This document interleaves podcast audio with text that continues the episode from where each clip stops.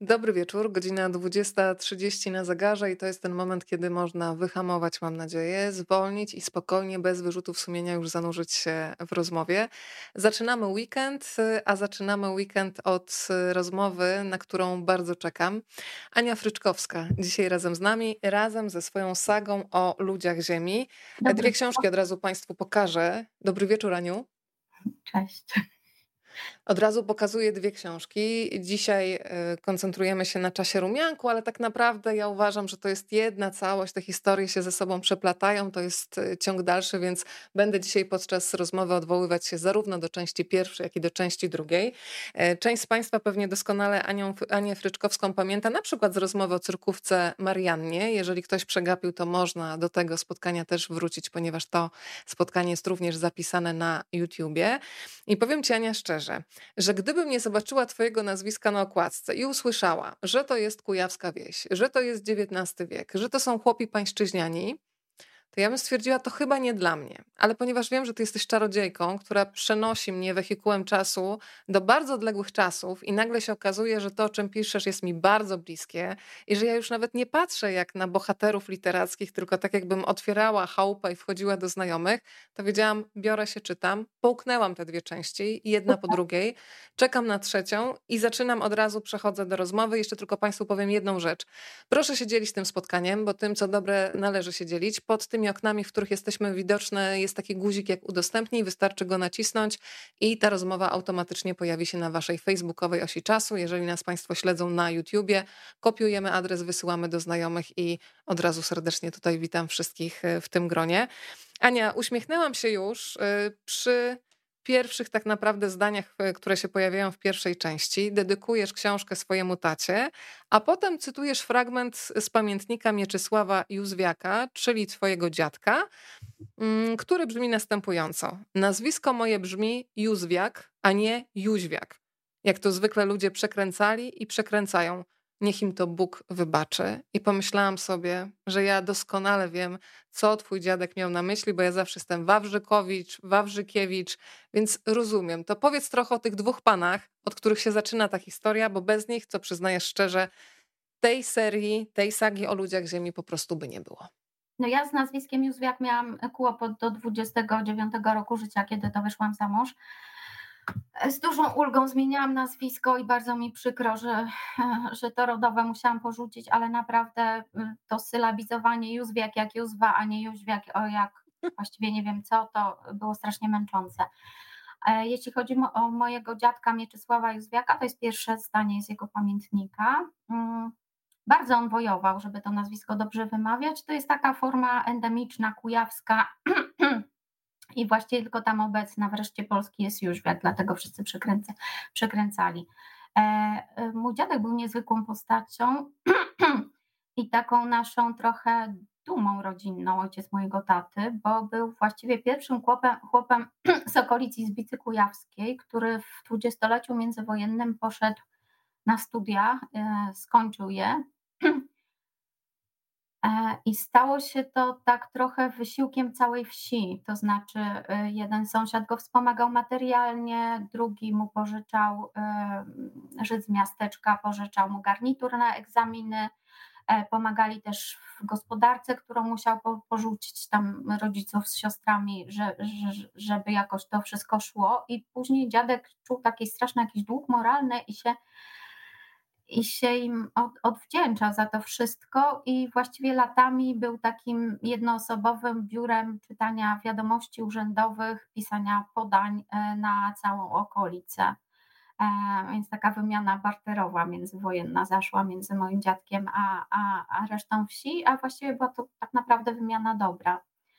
I ten mój właśnie dziadek, który wyrósł z takiej niewielkiej e, wsi kujawskiej o nazwie Skarbanowo. E, trafił po wojnie e, do Warszawy i tu został redaktorem Chłopskiej Drogi, a kiedy przeszedł na emeryturę, strasznie mu się, chciałam powiedzieć, cniło, ale nie, strasznie mu brakowało pisania i, i zaczął spisywać pamiętnik. I właśnie, właśnie na podstawie między innymi tego pamiętnika powstała ta moja saga. Ja jeszcze nie wyczerpałam takiego całego materiału, który dziadek spisał, bo on doszedł z tym właśnie do lat 60., kiedy ten pamiętnik e, pisał i bardzo się szykuje, bo naprawdę był osobą, która miała wspaniały dar słowa i umiała te wspomnienia też zawrzeć w takiej formie bardzo obrazowej.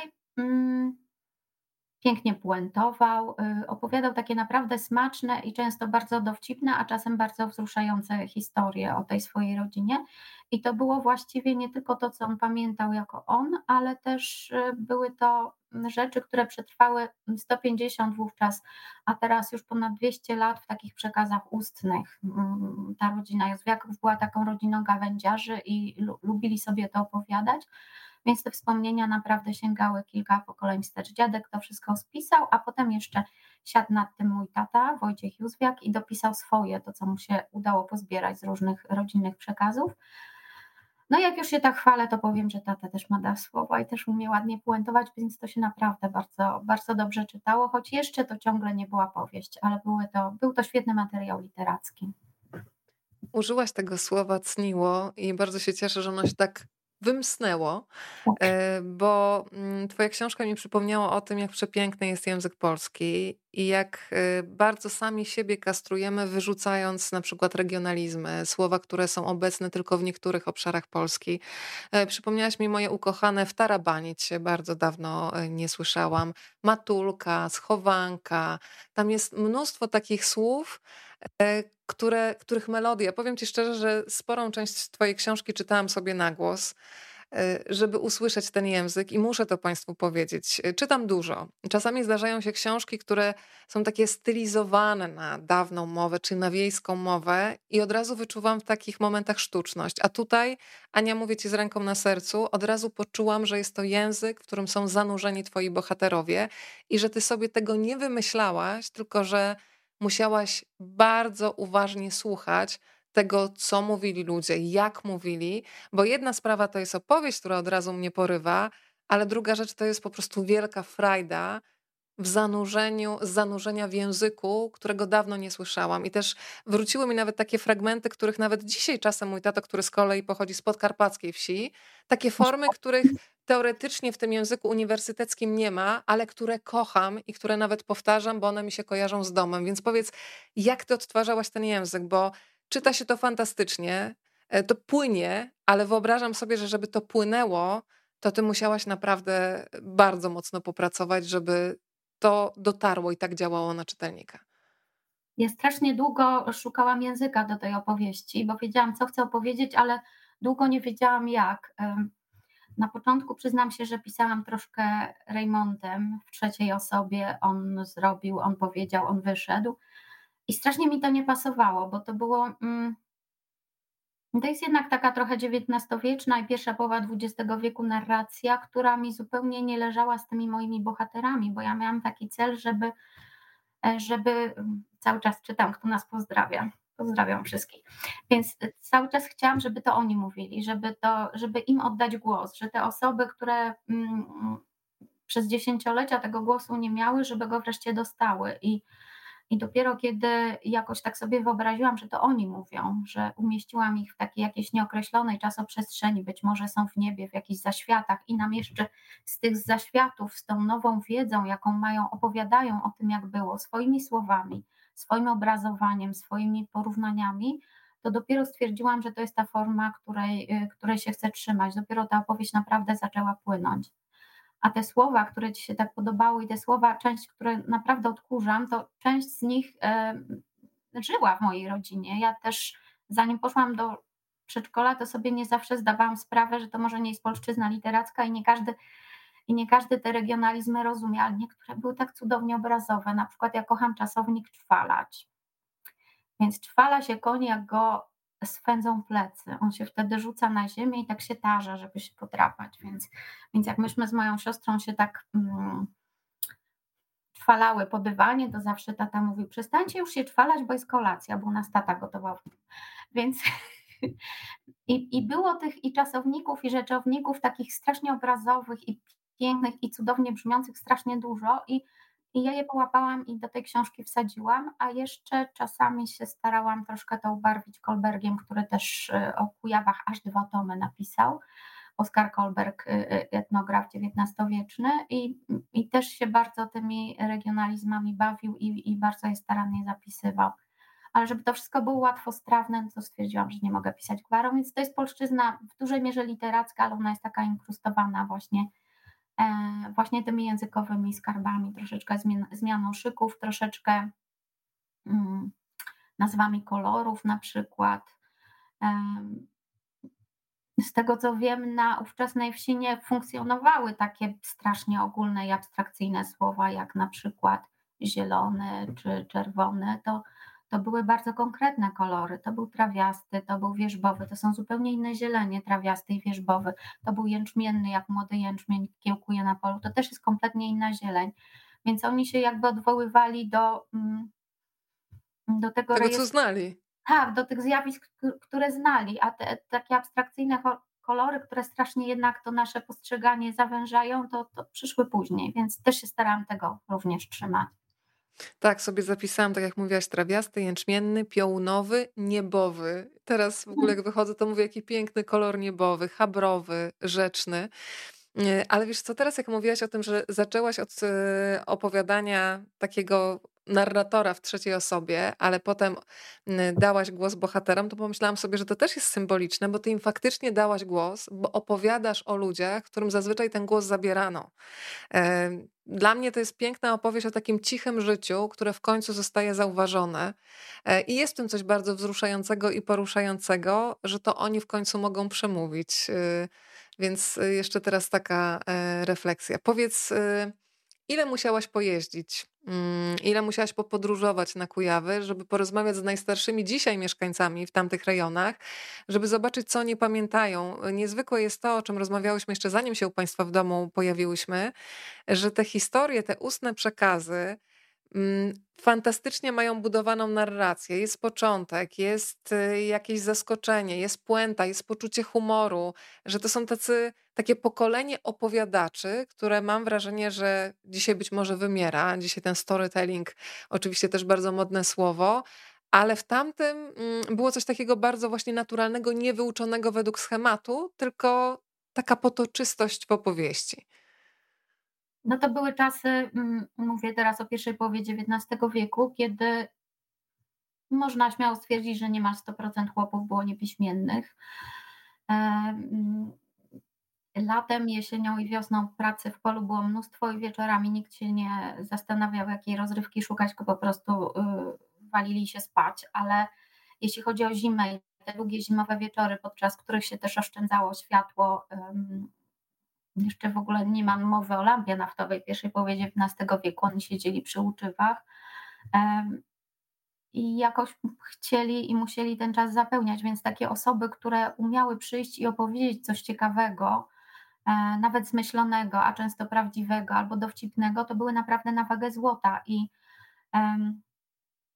Opisuje w powieści na przykład osobę, która takim gadaniem zarabiała na życie. E, taka instytucja dziadów i bab wędrownych, którzy właśnie modlitwami i opowieściami e, powodowali, że ludzie ich gościli, często nocowali, czasem opierali i odziewali.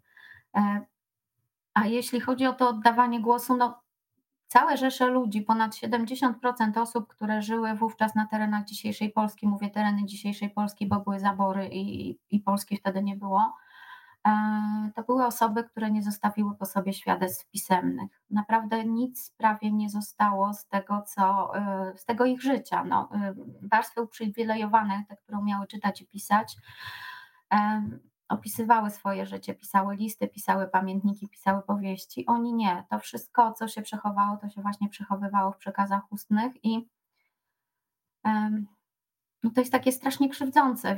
Wielki kawał naszej historii, wielki kawał mm, życia tych naszych przodków właściwie gdzieś zniknął, gdzieś, gdzieś w niebycie, nieutrwalone. To, te przekazy, które mm, o nich opowiadały, no to były albo szlacheckie opowieści, które mm, opisywały to życie z totalnie innej perspektywy, nie od środka. Etnografowie wkroczyli w drugiej połowie XIX wieku z Kolbergiem na czele i to też było troszkę inne pisanie, ale też dużo ciekawsze z taką troszkę pokorą do tych rozmówców.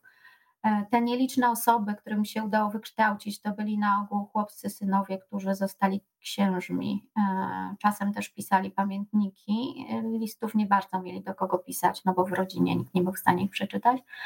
I troszkę też, znaczy troszkę, w drugiej połowie, pod koniec XIX wieku była już duża emigracja ze wsi, bo były, wsie już były przeludnione, ludzie szukali lepszego losu, wyjeżdżali do Stanów Zjednoczonych, do, do Brazylii, do Argentyny i stamtąd pisali listy które tutaj czasem czytała rodzina, a czasem się szło do osoby, która umiała czytać i ona była w stanie to przeczytać. I te listy są naprawdę jakimś cudownym świadectwem mm, i tej zmiany, i tego, tego życia, które się toczyło tutaj. A to już jest druga połowa XIX wieku. Ten, ta pierwsza połowa XIX wieku właśnie zniknęła, ta chłopska pierwsza połowa XIX wieku właśnie zniknęła w takim ustnym niebycie. Tam, tam strasznie niewiele zostało i bardzo byłam szczęśliwa, że jakoś to mogę w tym moim pisanym mówieniu moich bohaterów utrwalić.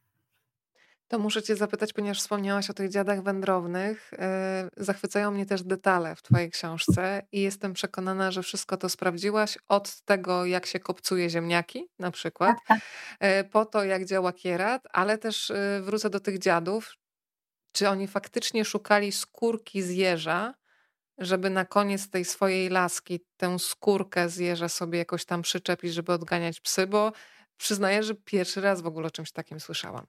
No to mój, to mój tata zapisał w swoich y, pamiętnikach bezcennych e, i faktycznie jak taki dziad wkraczał do wsi, tam te psy, na, często ludzie jeszcze wtedy nie mieli płotów, i często te psy były nieuwiązane. Jeśli byli sami swoi, to te psy nikogo nie atakowały. Jak wchodził obcy, no to różnie bywało. Czasem szczekały, czasem szarpały załachmany, a czasem nawet pewnie gryzły łydki, więc takim niezbędnym wyposażeniem dziada i baby wędrownej była właśnie ta skórka z jeża, którą oni się oganiali i, i te psy kuli w nosy, przepraszam, wszystkie psy, e, no żeby jakoś tam ocalić całość swoich łydek. To muszę też Państwu powiedzieć, że oprócz e, tego, że towarzyszymy bohaterom, rodzinie Józwiaków e, podczas tej opowieści, no to też obok tych wydarzeń z, Kujawskiej, z Kujawskiej Wsi rozgrywa się wielka historia.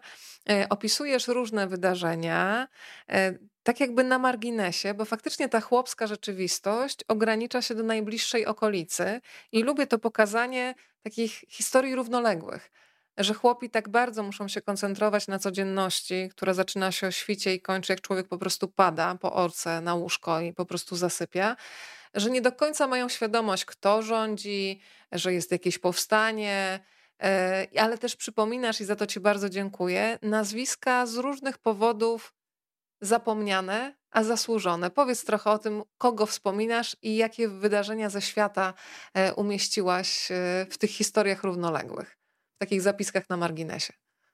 Szukałam rzeczy troszkę mniej oczywistych niż to, czego nas uczono w szkole, bo mm, nie wiem, być może tylko ja miałam taką kolegą historię, że właściwie głównie się uczyliśmy o wojnach, przyczynach wojen, przebieg wojny i skutki wojny, przyczyny rewolucji, przebieg rewolucji, skutki rewolucji.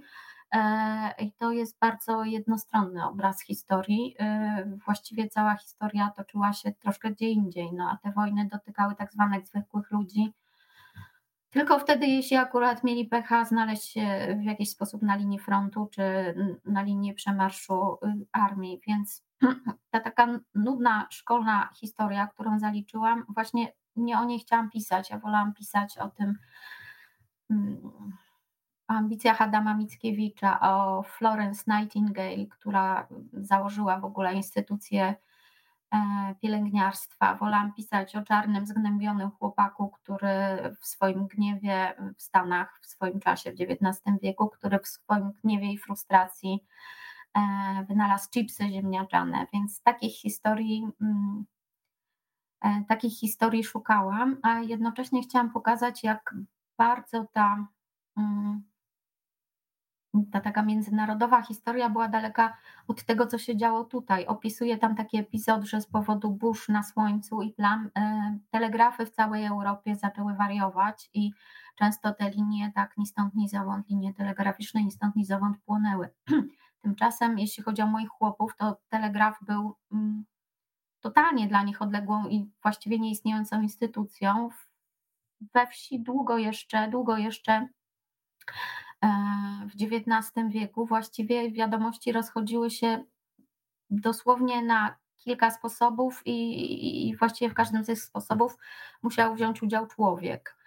E, a mianowicie, jeśli coś z wielkiego świata miało dotrzeć na daną wieś, to musiał o tym powiedzieć albo ksiądz, albo dziedzic, albo karbowy, albo ekonom. To był jeden sposób. E, albo tenże dziad wędrowny, który był takim łącznikiem między wsiami, między majątkami, a może nawet między województwami.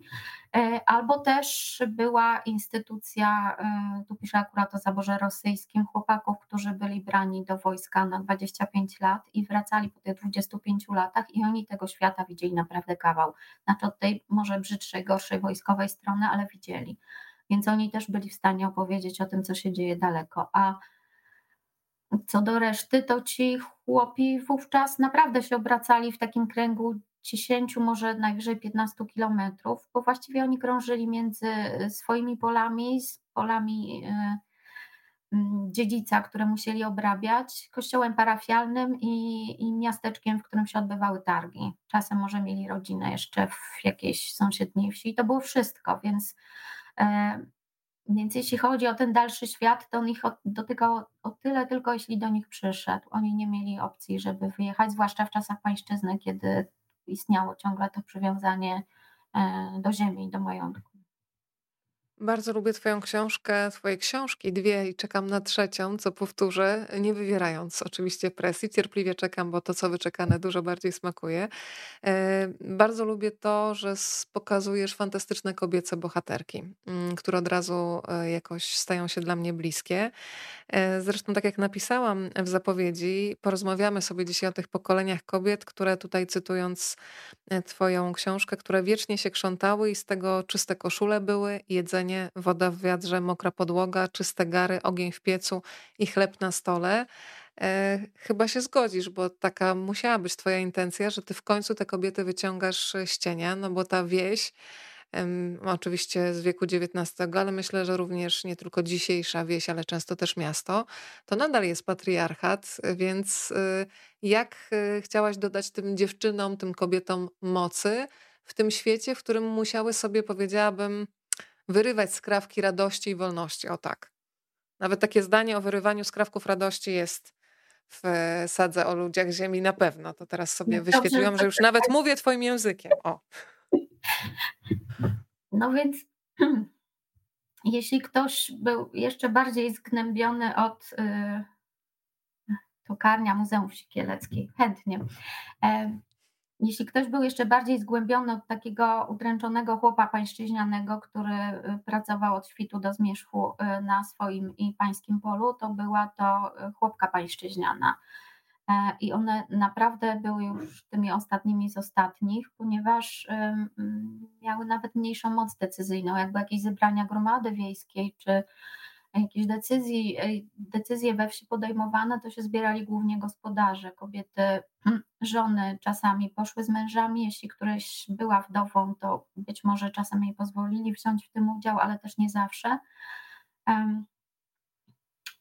Był też bardzo silny podział w gospodarstwie, znaczy mężczyzna się zajmował reprezentacją na zewnątrz i uprawianiem pól, kobieta się zajmowała dziećmi, gospodarstwem, sadem, warzywniakiem.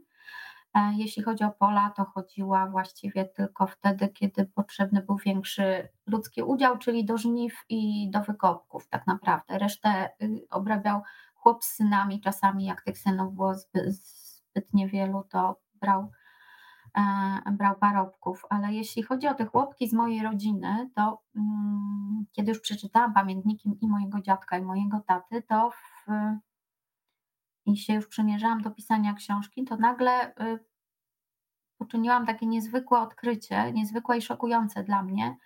I zadzwoniłam do taty i mówię: Słuchaj, w tych waszych pamiętnikach w ogóle nie ma kobiet. W ogóle nie ma kobiet, tato. I tata mówi: Niemożliwe, co ty opowiadasz. On tego nawet nie zauważył, ale te kobiety faktycznie tam się przewijają tak strasznie w tle, i te wszystkie piękne anegdoty i te wszystkie dowcipne i barwne opowieści naprawdę dotyczą wyłącznie moich męskich przodków. Kobiety tam się pojawiały bardzo śladowo, y, typu e, Michał ożenił się, albo mm, Stanisław miał troje dzieci, w tym jednego syna, w ten sposób.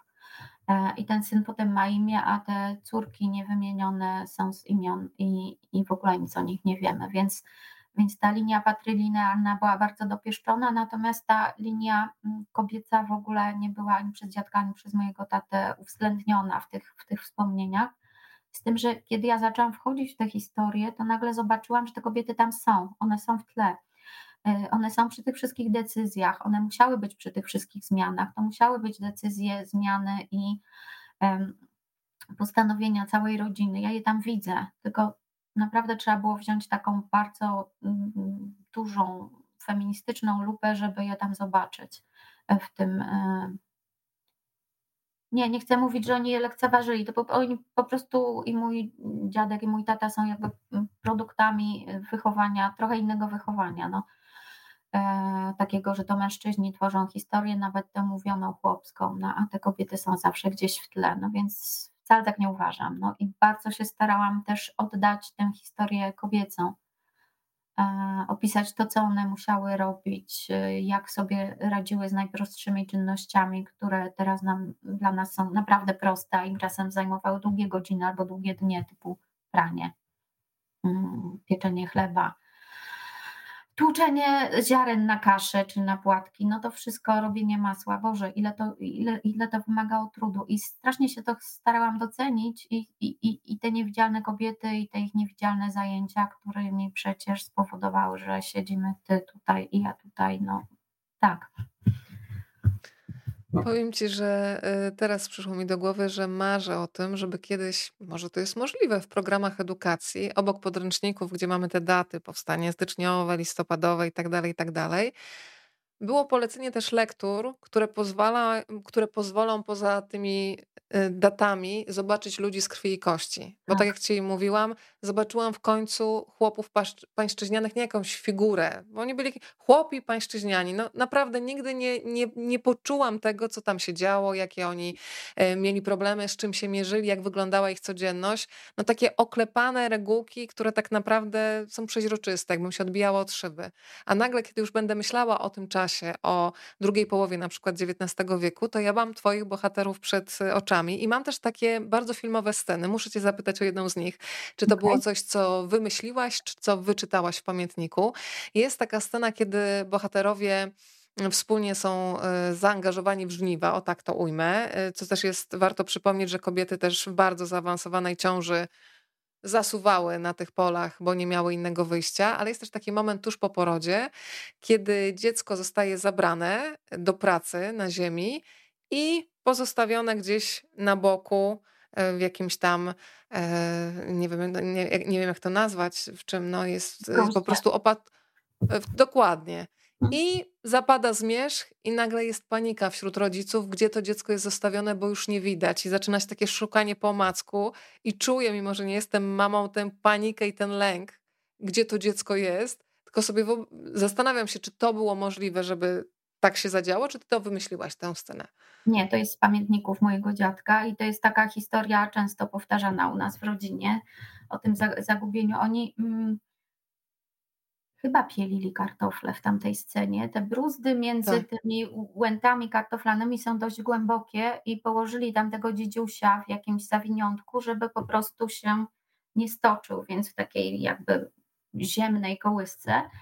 E, a że pracowało się do zmierzchu, to pewnie już odeszli sporo dalej, pole, pole, nie było, pole było duże i w pewnym momencie w tym zapamiętaniu, w tych bolących plecach, w tym pieleniu, nagle zapomnieli, gdzie to dziecko zostawili, a że dziecko spało, to nawet nie kwiliło, więc był taki straszliwy moment, że myśleli, że, że tego dzieciaka będą musieli zostawić do świtu, kiedy dopiero zobaczą, gdzie, gdzie on się znajduje i, i tego po omacku wymacali. To jest opowieść moja rodzinna, to się zdarzyło naprawdę. To jest jedna z tych opowieści, które chciałam ocalić dla świata.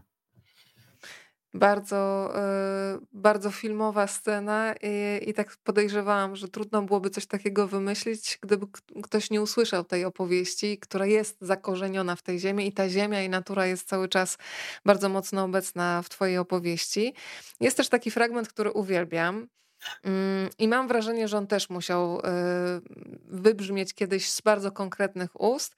Dawno, gdy byłam mała, myślałam, że rodzice i ksiądz nie mówią wcale o opatrzności, lecz o opatrzności.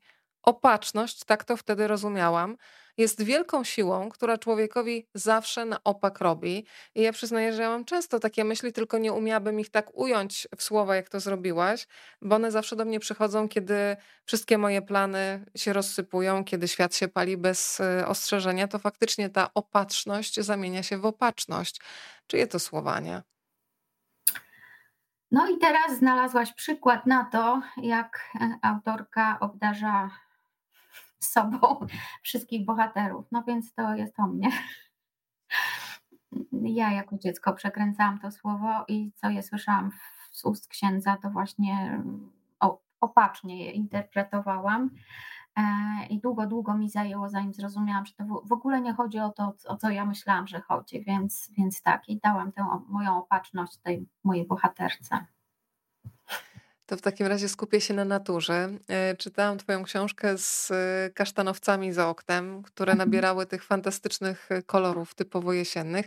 Dzisiaj też, drodzy Państwo, specjalnie dla Ani założyłam tutaj rumianki, bo mówimy o czasie rumianku, żeby nie było. I ta Twoja książka jest bardzo seksu- sensualna, chciałam powiedzieć. A, a zabrzmiało, jakbym zmierzała w innym kierunku, ale seks też się pojawia. Pojawia Bo przecież skądś te dzieci na wsi w takiej licznej mm, e, reprezentacji się brały, ale chciałam jednak się zatrzymać przy sensualności zdecydowanie. Kolory, faktury, zapachy i zatrzymajmy się na chwilę przy tych zapachach, bo kiedy czytam, to czuję z jednej strony pot, wysiłek, krew, szczególnie kiedy uczestniczymy w porodzie, który zresztą pokazujesz, jaką taką wspólnotową, jakim wspólnotowym doświadczeniem był e, poród, kiedy wszystkie sąsiadki ci odwiedzają nagle, e, wchodzą ci do chałupy. Mm, no ale z drugiej strony czuć i macierzankę, i ten rumianek, i zastanawiam się, kiedy myślisz dzisiaj o kujawskiej wsi, to jakie zapachy masz e, w pamięci? Wiesz co, najbardziej chyba zapach takiego mm, kwitnącego zboża. To jest bardzo specyficzny zapach. Jeden kłos, y, jeśli się go zerwie i przytknie do nosa, takie e, kwitnące żyto czy pszenicę, to nic nie czuć, ale jak stoisz przy takim polu w czerwcu, to naprawdę ten, ten zapach jest y, bardzo dominujący i taki no, we mnie wywołuje same najlepsze uczucia, bo mi się przypomina moje dzieciństwo, spędza, wszystkie wakacje spędzane na wsi i i te wizyty na, na tej rodzinnej wsi mojego dziadka i ojca.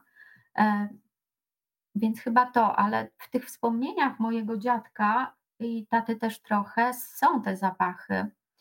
E, pisali o moim pradziadku, że zawsze był dla niego trudny moment pierwszego wejścia do chałupy z pracy wieczorem, bo witał go zapach e, kisnącego żuru. Ten żur zawsze w takim specjalnym naczyniu kisił się na, na piecu, w takim mm, względnym cieple z mąki żytniej. A druga rzecz, zasikanych pieluszek. Oni nie bardzo mm, troszkę mieli wtedy, znaczy to były takie pieluszki umowne, podarte szmatki. E, nie prali ich za każdym razem. Oni je po prostu wieszali nad piecem i one schły takie zasiusiane. No i ten właśnie zapach dręczu mojego pradziadka, że tych dzieci mój pradziadek zrobił dziesięcioro, no to jednak towarzyszył mu on przez długie lata, więc jeśli chodzi o takie opisy z tymi zapachami, ale również przyjemne, również przyjemne zapachy tam się znajdują. Zapach Zdecydowanie. Na przykład, więc, e, więc w dużej mierze zawdzięczam tę mm, sensualność również mojemu dziadkowi, tak. Jest też e, piękna opowieść pokazująca to, że sąsiedzi to rzecz święta. To jest znowu cytat: Sąsiedzi to rzecz święta. I przyznaję, że czytając e, sagę o ludziach Ziemi, zatęskniłam też za takim rodzajem wspólnoty, który powoduje, że kiedy osiedlasz się w nowym miejscu, to możesz się spodziewać, że ktoś zapuka do Twoich drzwi i przyniesie Ci zakwas na chleb i słomę do siennika. To jest coś, co e, powoduje, że robi mi się jakoś ciepło na sercu i pomyślałam, że może to jest dobry zwyczaj, jeżeli ktoś nowy się pojawi w klatce, no ze słomą do siennika nie wystartuje, ale może z czymś miłym, z ciastem na dzień dobry, dlaczego nie?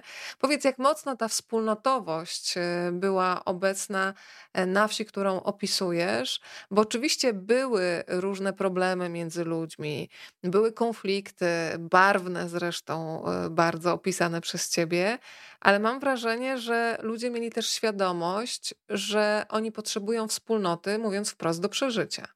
Życie było tak ciężkie, że faktycznie jednostce było trudno. Pierwszą taką wspólnotą, która, która pomagała przeżyć, to była wspólnota rodzinna. Oni się dość wcześnie żenili i wychodzili za mąż. I potem też było dość ważne, ile tych dzieci było, bo to był taki mini zakład produkcyjny. No, wszyscy byli nierówno, ale wszyscy byli zaangażowani w, w te prace rolnicze i w wytwarzanie jedzenia. Ale sąsiad, sąsiad to jest taka instytucja na wsi do tej pory nie do pogardzenia, choć już mamy dużo jednak łatwiejsze czasy, a, a wtedy zwłaszcza sąsiad mógł pomóc przy porodzie, sąsiad mógł y, wyręczyć chorego sąsiada przy żniwach, albo jeśli zostawała wdowa, to cała wieś się schodziła. Ja, ja asystowałam przy czymś takim w latach 80. Na, na wsi mazowieckiej. Cała wieś się schodziła, żeby pomóc wdowie e, zebrać e, e, zboże z pola. To jeszcze były te czasy bez, bez wszechobecnych kombajnów. Wtedy się to robiło kosami, jeszcze wcale nie tak dawno. Więc różne, jak sąsiadowi się spaliła stodoła, no to jemu samemu byłoby trudno odbudować, ale jak się wszyscy zebrali, to w parę dni tę stodołę postawili. E, to oczywiście było zaciąganie takich trochę długów honorowych, bo jak on mi pomógł, to ja mu muszę pomóc i, i też tak ludzie w takiej swojej godności pamiętali, co są komu winni i starali się to też zwrócić czasem z nawiązką. E, ale to było fajne i po pierwsze ważni byli ci sąsiedzi z obu stron płota, z obu stron chaty, ci byli najważniejsi, ale cała reszta wsi, cała reszta tej wspólnoty też była bardzo ważna. To już nie były tak bliskie kontakty jak z tymi z zapłota, e, ale też musiały być bliskie. No, żeby przeżyć na przednówku, to znaczy w interesie wszystkich było przeżyć na tym przednówku, więc oni musieli się tymi dobrami też jakoś tam wspierać, dzielić. Temu zostało trochę żołędzi, temu zostało trochę ziarna, jakoś to tam szło. Ania, a jak często w pamiętnikach twojego dziadka pojawia się głód? Taki głód faktyczny, kiedy y, wiesz, że na przykład zjesz coś może trzy dni w tygodniu, a pozostałe to w zasadzie masz jakiś jeden posiłek marny. E, on, mm, znaczy on nie, nie opisuje, że był głodny, natomiast opisuje o sposobach mojej prababci y, na, na właśnie te ciężkie czasy na przednówku. Y, ja się zetknęłam na spotkaniach aktor, autorskich, że nie każdy wie, co to jest przednówek, więc przednówek to jest ten trudny okres e, koniec lutego, marzec, kiedy już zjadło się wszystkie, czy prawie wszystkie zapasy, które się miało w piwnicy i w komorze, a jeszcze nowe rzeczy do jedzenia nie wyrosły.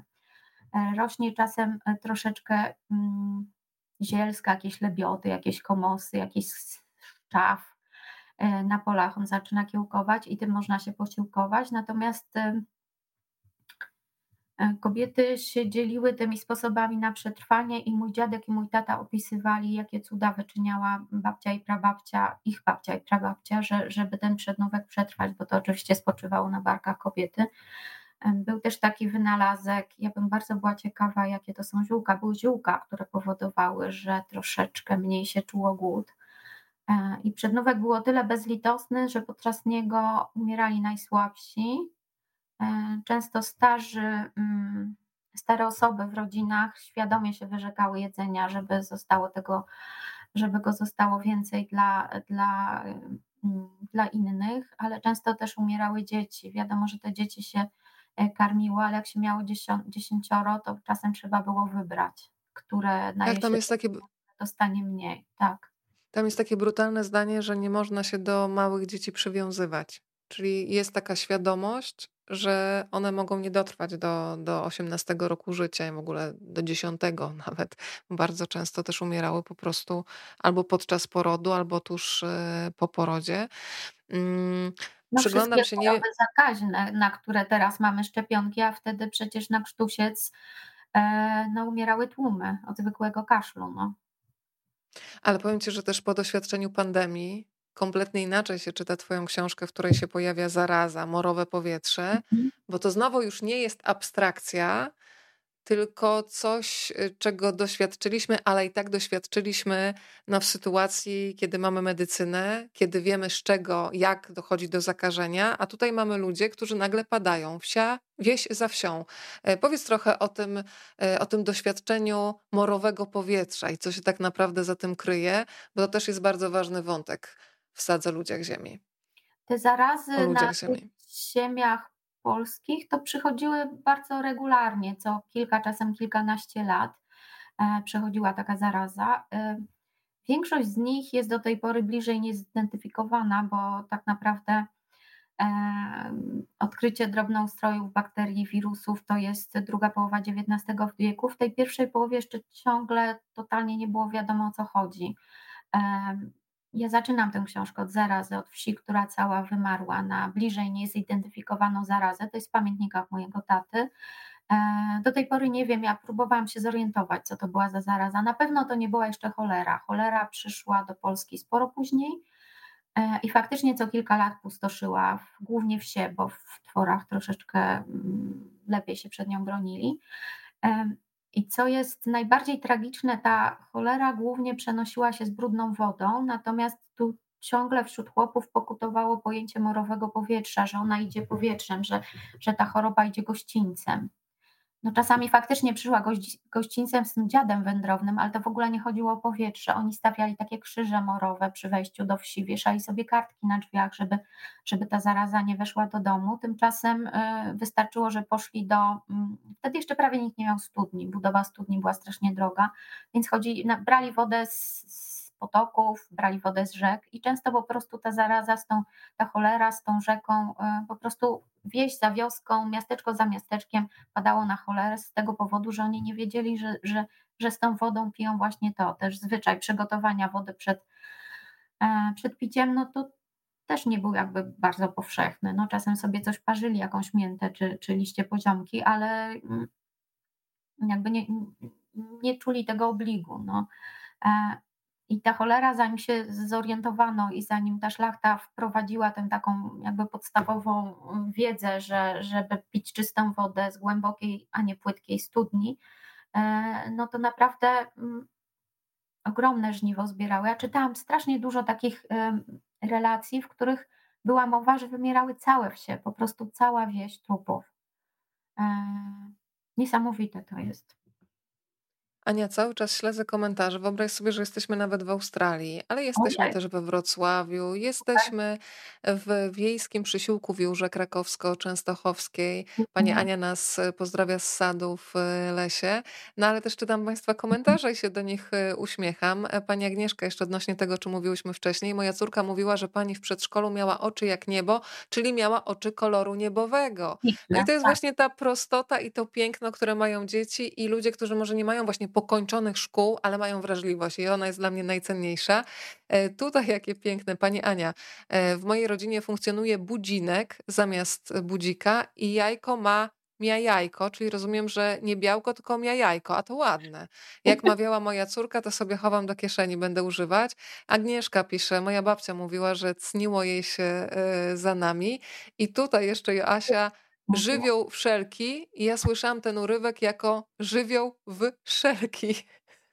I trochę dziwnie to w kościelnym zestawieniu e, wyglądało w kwiatki, w kropki, rozumiem, ale dlaczego wszelki? Piękne. E, chowam sobie tę historię od Państwa i śledzę oczywiście e, w tak zwanym międzyczasie. No to ja zadam pytanie teraz i proszę szczerze odpowiedzieć. Ja do tej pory, dopóki nie sięgnęłam do sagi o ludziach Ziemi, nie wiedziałam, co tak naprawdę kryje się za hasłem kurna chata, chociaż słyszałam to sformułowanie wielokrotnie. Drodzy Państwo, bez poszukiwań szczerze, ja się przyznaję, że nie wiedziałam, więc proszę pisać. Czy Państwo wiedzą, co się kryje za hasłem kurna chata? E, zostawię tutaj e, kilkadziesiąt sekund na to, żeby się dowiedzieć, jak, jak wygląda sytuacja u Państwa, a ja w tak zwanym, w tej przerwie, zanim Państwo się wypowiedzą na ten temat, muszę Cię zapytać o różne tradycje i zwyczaje. Puste noce. Co się za nimi kryje? Bo wielokrotnie, skoro mamy do czynienia z sagą, gdzie mamy, jesteśmy świadkami narodzin i śmierci, puste noce muszą się pojawiać, ale nie miałam pojęcia w ogóle, ogóle, że funkcjonowała taka nazwa? Powiedzmy, co się za nią kryło. E, pusta noc, bo ubyło kogoś z domu, bo to brak tej osoby jest pusto. To na ogół były, znaczy we wsi, do której jeździmy teraz na wakacje, te puste noce funkcjonują do tej pory. Jeśli się zdarzy, że ktoś umrze w domu, a często umiera w domu, to po prostu sąsiedzi się schodzą, czuwają przy tym zmarłym jest zapalona gromnica, śpiewają, e, rozmawiają, troszeczkę piją wódki, troszeczkę jedzą i, i, no i tak jakoś tworzą taki nastrój, że śmierć jest częścią życia, że nie jest jakimś totalnie oddzielnym od nas kawałkiem, tylko jest, znaczy jest, natur, jest naturalna i, i, i ten zmarły jakoś tam jest z nami, a tych pustych nocy na ogół było trzy i miało to znaczenie praktyczne, że mm, wiele jest takich opowieści u Kolberga również, że, że ktoś e, na przykład e, ocknął się w grobie albo ocknął się w trumnie. E, często chłopi myśleli, że, że zmarły zmienił się w upiora i szybko interweniowali z kosą. Tymczasem były to osoby, które po prostu obudziły się z jakiegoś letargu i, i, i ta, ten zwyczaj tych trzech pustych Nie zasnę dzisiaj. Wiesz, no sorry. E, więc zwyczaj tych pustych nocy też miał znaczenie praktyczne. Ludzie się upewniali, że ten zmarły naprawdę jest zmarły, ale też bardzo lubiłam właśnie, że, że ta śmierć nie była taka wypychana, nie, mm, e, to nie była taka nie wiem, no my teraz się tej śmierci pozbyliśmy z życia. My nie umieramy, my jesteśmy wiecznie młodzi, wiecznie fit i tak dalej, a śmierć jest gdzieś daleko w szpitalu i w ogóle najlepiej na nią nie patrzmy.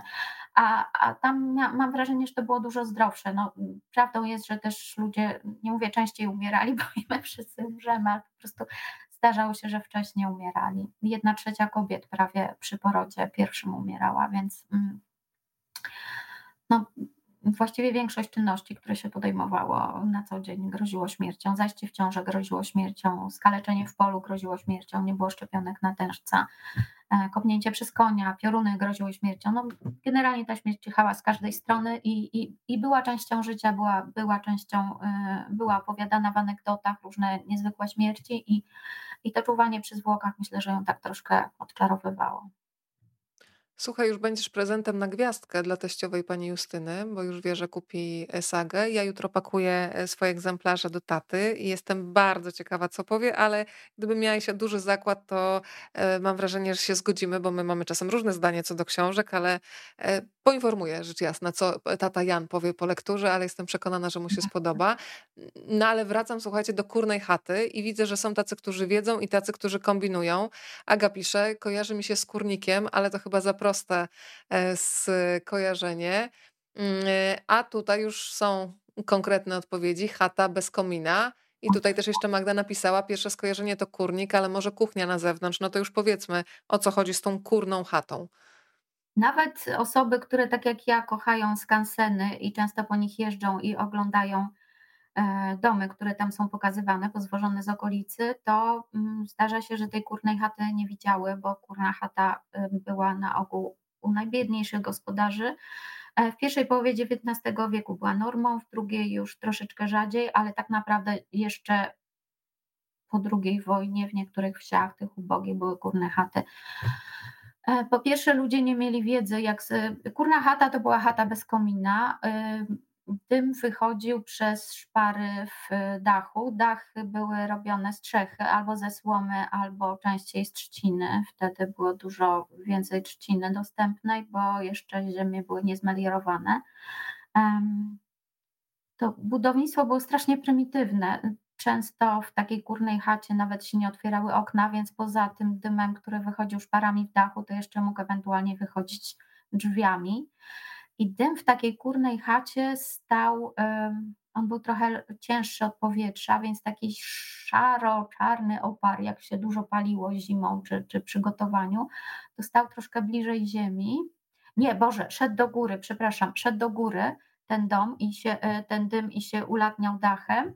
Natomiast troszkę bliżej ziemi było czystsze powietrze, więc te dzieci w kolebeczkach, które tam leżały, miały ten. Mm, e, tę przyjemność oddychania nieco czystszym powietrzem, natomiast ludzie, żeby y, oddychać nieco czystszym powietrzem, chodzili zgarbieni.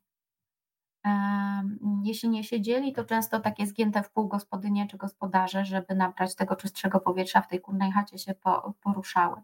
Te chaty zresztą były strasznie prymitywne, już pomijając, że okna się nie otwierały i te strzechy, które były bardzo malownicze, ale mało wygodne i łatwopalne, E, to miały jeszcze na ogół mm, ściany wyplatane z chrustu, po prostu wybijało się patyki, oplatało się je chrustem i oblepiało się to gliną. I to było wszystko, to była cała izolacja od tych srogich zim, sroższe niż teraz te zimy bywały, od upału latem.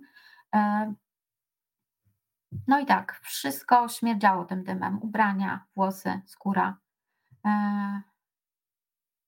Moi bohaterowie według przekazów rodzinnych pierwszą kuchnię y, z kominem zbudowali już około połowy XIX wieku i to była wielka rewolucja e, podpatrzona u sąsiadów Olendrów, czyli Holendrów sprowadzonych, żeby, żeby osuszać grunty sprowadzonych przez dziedzica i to, w ten sposób ta nowinka wkroczyła do wsi. Ci, którzy nie mieli możliwości podpatrzenia, jak się te kominy buduje, to po prostu ich nie umieli budować i się borykali z tym dymem w chałupie do końca. Pokazywa, pokazujesz też y, w swoich książkach y, taki lęk naturalny przed zmianą, ale też to, że z jednej strony zmiana ułatwia życie, ale też czasami w brutalny sposób rozprawia się z naturą, czyli przecinane lasy, lasy karczowane, to czego świadkiem cały czas jesteśmy. Ileż to było pomysłów, y, część zrealizowanych, kiedy przez obszary Natura 2000 dlaczego nie można czegoś poprowadzić, prawda? Cały czas jest mnóstwo e, pomysłów e, tego typu. Mm, cały czas tutaj oglądam jeszcze Państwa komentarze. E, pani Agnieszka jeszcze odnośnie Twojej opatrzności i opatrzności. Jako małe dziecko zastanawiałam się w kościele, co to jest nacudia nasza a były to słowa pieśni na cud Jonasza, to ja też się przyznam, że jest taki fragment, jak oznajmia pismo, a ja z ogromnym przekonaniem recytowałam: Ja odnajdę pismo. I cały czas tego pisma, drodzy I Państwo, w takim razie szukam. No nie, cały czas jestem po prostu w poszukiwaniu. Ale skoro jesteśmy przy tematach religijnych, to z jednej strony bardzo mnie urzeka to, jak ta religia jest dla Twoich bohaterek ważna i w jaki sposób się odnoszą na przykład do Matki Boskiej. Tam jest Mateńka Najświętsza i w tym słowie Mateńka jest tyle czułości, a z drugiej strony też widać, co jest też w wielu miejscach nadal obecne, jak można używać religii mm, na przykład do tego, żeby zatrzymać swoje własne przywileje. Mamy na przykład plebana, który w zasadzie to, o czym mówi Zambony, piorunuje, więc na pewno nie mówi o miłosierdziu. No więc przemawia Zambony w taki, a nie inny sposób i mówi wprost, że w zasadzie grzechem jest szukanie zmiany, że Pan Bóg już to tak ustawił, że pan zawsze będzie panem, a chłop po prostu musi znać swoje miejsce w szeregu. Więc powiedz trochę, jak się przedzierałeś przez te zawiłości związane z religią. Z jednej strony ta religia była bardzo ważna i była, mm, myślę, czymś, co porządkowało też taki rytmy e, codzienności, bo przecież co niedzielę się wszyscy w tym kościele spotykali i chłopi, i dziedzic przyjeżdżał z dziedziczką w pięknej sukni. No a z drugiej strony e, religia też była takim aparatem, który służył do tego, żeby ludzi dyscyplinować, mówiąc wprost. Znaczy, jeśli chodzi o konserwatyzm chłopów, no to wynikało z, wynikał on głównie stąd, że ponieważ nie kończyli oni żadnych szkół, nie czytali żadnych książek, bo jak, e, cała wiedza właściwie jaką posiadali była przekazywana z ojca na syna i z matki na córkę, więc y, siłą rzeczy nowinek tam było niewiele, prawda? E, a jeśli chodzi o religię, różni księża byli, ale generalnie mm, i, i pleban i dziedzic woleli chłopów raczej posłusznych niż niż buntujących się i, mm, no i tutaj współpraca między dworem a kościołem często, y, często była bardzo nasilona y, i ta opowieść, o, którą przytaczam, ta opowieść o synach Noego, których jeden z nich, syn Ham, śmiał się z pijanego ojca, y, dwaj pozostali, dwaj pozostali go uszanowali i, i nagiego przykryli, więc z tego też powodu ten e, potomkowie Hama, czyli chłopi, e, mają służyć tym dwóm bardziej szlachetnym, potomkom tych dwóch bardziej szlachetnych synów. Druga taka opowieść rozpowszechniana przez szlachtę głosiła wręcz, że chłopi są w inny sposób ludźmi, jeśli są nimi w ogóle, pochodzą z totalnie innego plemienia. Księża też to często powtarzali.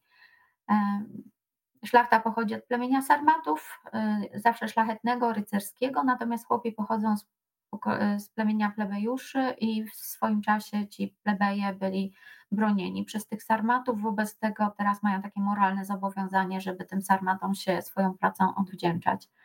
Y, ci moi bohaterowie chodzą do kościoła, ale tam faktycznie poza, mm, poza tym kultem Matki Boskiej i świętych, bo oni też bardzo dużo mm, jakby modlili się do świętych. Pan Bóg był kimś tak odległym jak dziedzic albo nawet może car Pan Jezus był kimś już troszeczkę bliższym, bo jednak był człowiekiem i na krzyżu wisiał w każdym kościele, ale tak naprawdę najbliższa była Matka Boska i z nią można było o wszystkim porozmawiać w modlitwie. E, I ci święci, którzy byli takimi jakby kościelnymi delegatami w codzienność. Każdy miał swoją działkę. Święty Florian zajmował się na przykład pożarami, więc należało być z nim w dobrych stosunkach i zawsze go uczcić y, sutym datkiem podczas odpustu. No i było to takie troszeczkę, powiedzmy, mm, wielobóstwo jednak. No, trochę tak jak w starożytnej Grecji. Każdy z tych świętych miał swoją działkę, każdy z, z każdym z tych świętych należało dobrze żyć i, e, i go uszanować, żeby, żeby to życie toczyło się gładko. E, no właściwie tyle chciałam powiedzieć o świętych. Tak, i tutaj y, to sakrum się w ogóle miesza z profaną, ale też właśnie taka ludowa Mm, tradycyjna e, wiara. Z jednej strony ten kościół, ale z drugiej strony też masa takich wierzeń e, w duchy, w różne duszki, które przychodzą i trzeba dla nich na przykład zostawić e, miseczkę z mlekiem, ale też tasiemki czerwone, które odczyniają uroki. Masa takich drobnostek, które mają służyć opiece mieszkańców wsi. E, saga o ludziach Ziemi, Wpatrzenie w niebo rozpoczynała się od 1816 roku, natomiast e, czas rumianku zabiera nas do roku 1852. E, to powiedzmy trochę o tych bohaterach, bo ja polecam Państwu, żeby czytać część pierwszą i drugą, ale myślę, że spokojnie też jako niezależne opowieści się bronią, ale zawsze lubię znać też historię, taką ciągłość właśnie rodzinną, więc jeżeli Państwo chcą mieć większą frajdę, to po prostu w pakiecie od razu mhm. mówię, że warto. E, przedstawmy Janka i Michała, bo mamy takich e, dwóch kompletnie innych e, braci. Mm, gdybyś miała powiedzieć o takich najważniejszych cechach charakteru Janka i Michała, co byś powiedziała? Jeśli chodzi o Janka i Michała, to są takie bardzo ważne opowieści w tym moim micie rodzinnym, opisane, opisywane z dużym smakiem przez dziadka i przez tatę byli totalnie odmienni. To była bardzo nietypowa, akurat to pokolenie bardzo nietypowe, bo tych, tych dzieci było tylko dwoje, dwóch synów. E, oni byli maksymalnie różni. E, I właściwie zaczynając e, ten drugi tom, cały czas się zastanawiałam, jak to się mogło stać, że byli tak totalnie odmienni i w tych wspomnieniach, w tych przekazach. Dwa totalnie inne życiorysy, kompletnie odmienne charaktery. Mm, skąd to się mogło wziąć? I właściwie mm, duża część tej mojej książki jest poświęcona wyjaśnieniu tej tajemnicy, jak to się stało, że osoby wychowane przez tych samych rodziców i w bardzo zbliżonych, jeśli nie identycznych warunkach, są tak zupełnie odmienne. Ja nie powiem Ci, którego z nich bardziej lubię. Chyba obu z nich strasznie lubię i z obydwoma chciałabym rozmawiać. Janek był chyba łatwiejszy i ciekawszy w rozmowie, Michał może był ciekawszy w działaniu, ale, ale obu ich strasznie lubię i też chciałam o, o obu, znaczy ich obu racje takie życiowe przedstawić. Mój redaktor, pamiętam, nienawidził Janka. Jak Jankowi się dostał. Taki miał komentarz, nareszcie, nareszcie spisał w komentarzach, ale a ja tego Janka trochę rozumiem i też wiesz, co mnie najbardziej urzeka. Mm, I też mam sobie bardzo dużo, no właśnie, gdyby dało się empatii, jakieś współczucie przekazać wstecznie do tych tysięcy kobiet i mężczyzn, którzy w czasach na przykład XIX wieku zmagali się z depresją. Kiedy nikt w ogóle nie słyszał e, tej nazwy, to się przewija w tych opowieściach, kiedy ludzie uciekają gdzieś w sen, kiedy nie mają siły wstać a jednocześnie no dzisiaj mam wrażenie, nadal jeszcze mamy sporo do odrobienia, ale już e, znacznie częściej potrafimy zrozumieć drugiego człowieka. No a ta przestrzeń chłopska, no to miała być jakaś fanaberia. Nawet wiesz co, dzisiaj e, przechodziłam obok robotników i, i byłam świadkiem takiego dialogu, który był trochę tragikomiczny, czyli o coś się panowie sprzeczali. Mówi, a ty, ty to wczoraj tam leżałeś zapity. Miałem depresję, chyba kompresję, a nie depresję. Wiesz, taki dialog panów na budowie, z jednej strony śmieszny, ale z drugiej strony smutny bardzo. Hmm, powiedz, y, jak, y, czy, czy w tych pamiętnikach, bo powiedziałeś z jednej strony, że nie było kobiet w tych pamiętnikach dziadka, ale czy u mężczyzn, bo myślę, że to jest jeszcze trudniejsze. Przecież mamy trudne doświadczenia, które serwujesz swoim bohaterom. Nie powiem którym i nie powiem, czy oni z nich wychodzą, czy nie, bo nie mogę, żeby nie odbierać Państwu przyjemności odkrywania tej historii na własną rękę. ale czy takie informacje o takich zaburzeniach nastroju, o tym, że człowiek sobie nie radzi i nie ma siły, to było zapisane, czy, czy tutaj się kierowałaś swoją intuicją, bo wiedziałaś, że tak musiało być, ale nie było na to przestrzeni, żeby o tym opowiadać? Wiesz co, nie, mm, nie chcę tutaj spoilować, więc opowiem trochę inną historię o depresji już e, dwa pokolenia później. E, moja babcia. E, mój dziadek już, lata 50., mój dziadek już pracuje w Warszawie, tutaj mieszka kątem u kogoś, pracuje w gazecie Chłopska Droga. Moja babcia z, z czwórką dzieci mieszka ciągle na wsi w Skarbanowie, mm, prowadzi nieduże gospodarstwo E, no i stara się ogarniać codzienność. Czwórka dzieci, gospodarstwo, inwentarz i tak dalej. E, I pewnego dnia mój ojciec, który był wtedy w liceum w Izbicy Kujawskiej, wraca do domu. E, I tam wchodzi. I najmłodszy z synów, znaczy najmłodszy brat mojego taty, Marcinek, leży sam w kolebeczce, popłakuje. Z pieca dymi, stoją garnki, troszkę już jest przypalone, pusta chałupa, mamy nie ma. Strasznie się przeraził, nie wiedział co się dzieje i zaczął jej szukać. I mm, tak coraz większe jakby obchodził to gospodarstwo i w końcu ją znalazł w sadzie za domem, za stodołą właściwie, daleko i ona tam po prostu leżała. E, i teraz, co jest najdziwniejsze, znaczy ja, ja do, doskonale rozumiem, co ona mogła czuć. Y, ten mąż w Warszawie nie do końca wiadomo, co robi. Akurat na ten weekend nie przyjechał, bo pewnie nie miał siły albo nie miał pieniędzy. Ona sama, czwórka dzieci, gospodarstwo, pieniądze i tak dalej. Więc ja doskonale rozumiem, co ona czuje i rozumiem, że mógł to być. Y, nie wiem, choćby rzut depresji albo głębokiej handry. Natomiast co powiedział mój tata, i to mnie zaszokowało. Miałam pod, o tym, o tym pod, mm, z nim długą dyskusję. On powiedział, że to był dowód na to, że babcia była słaba.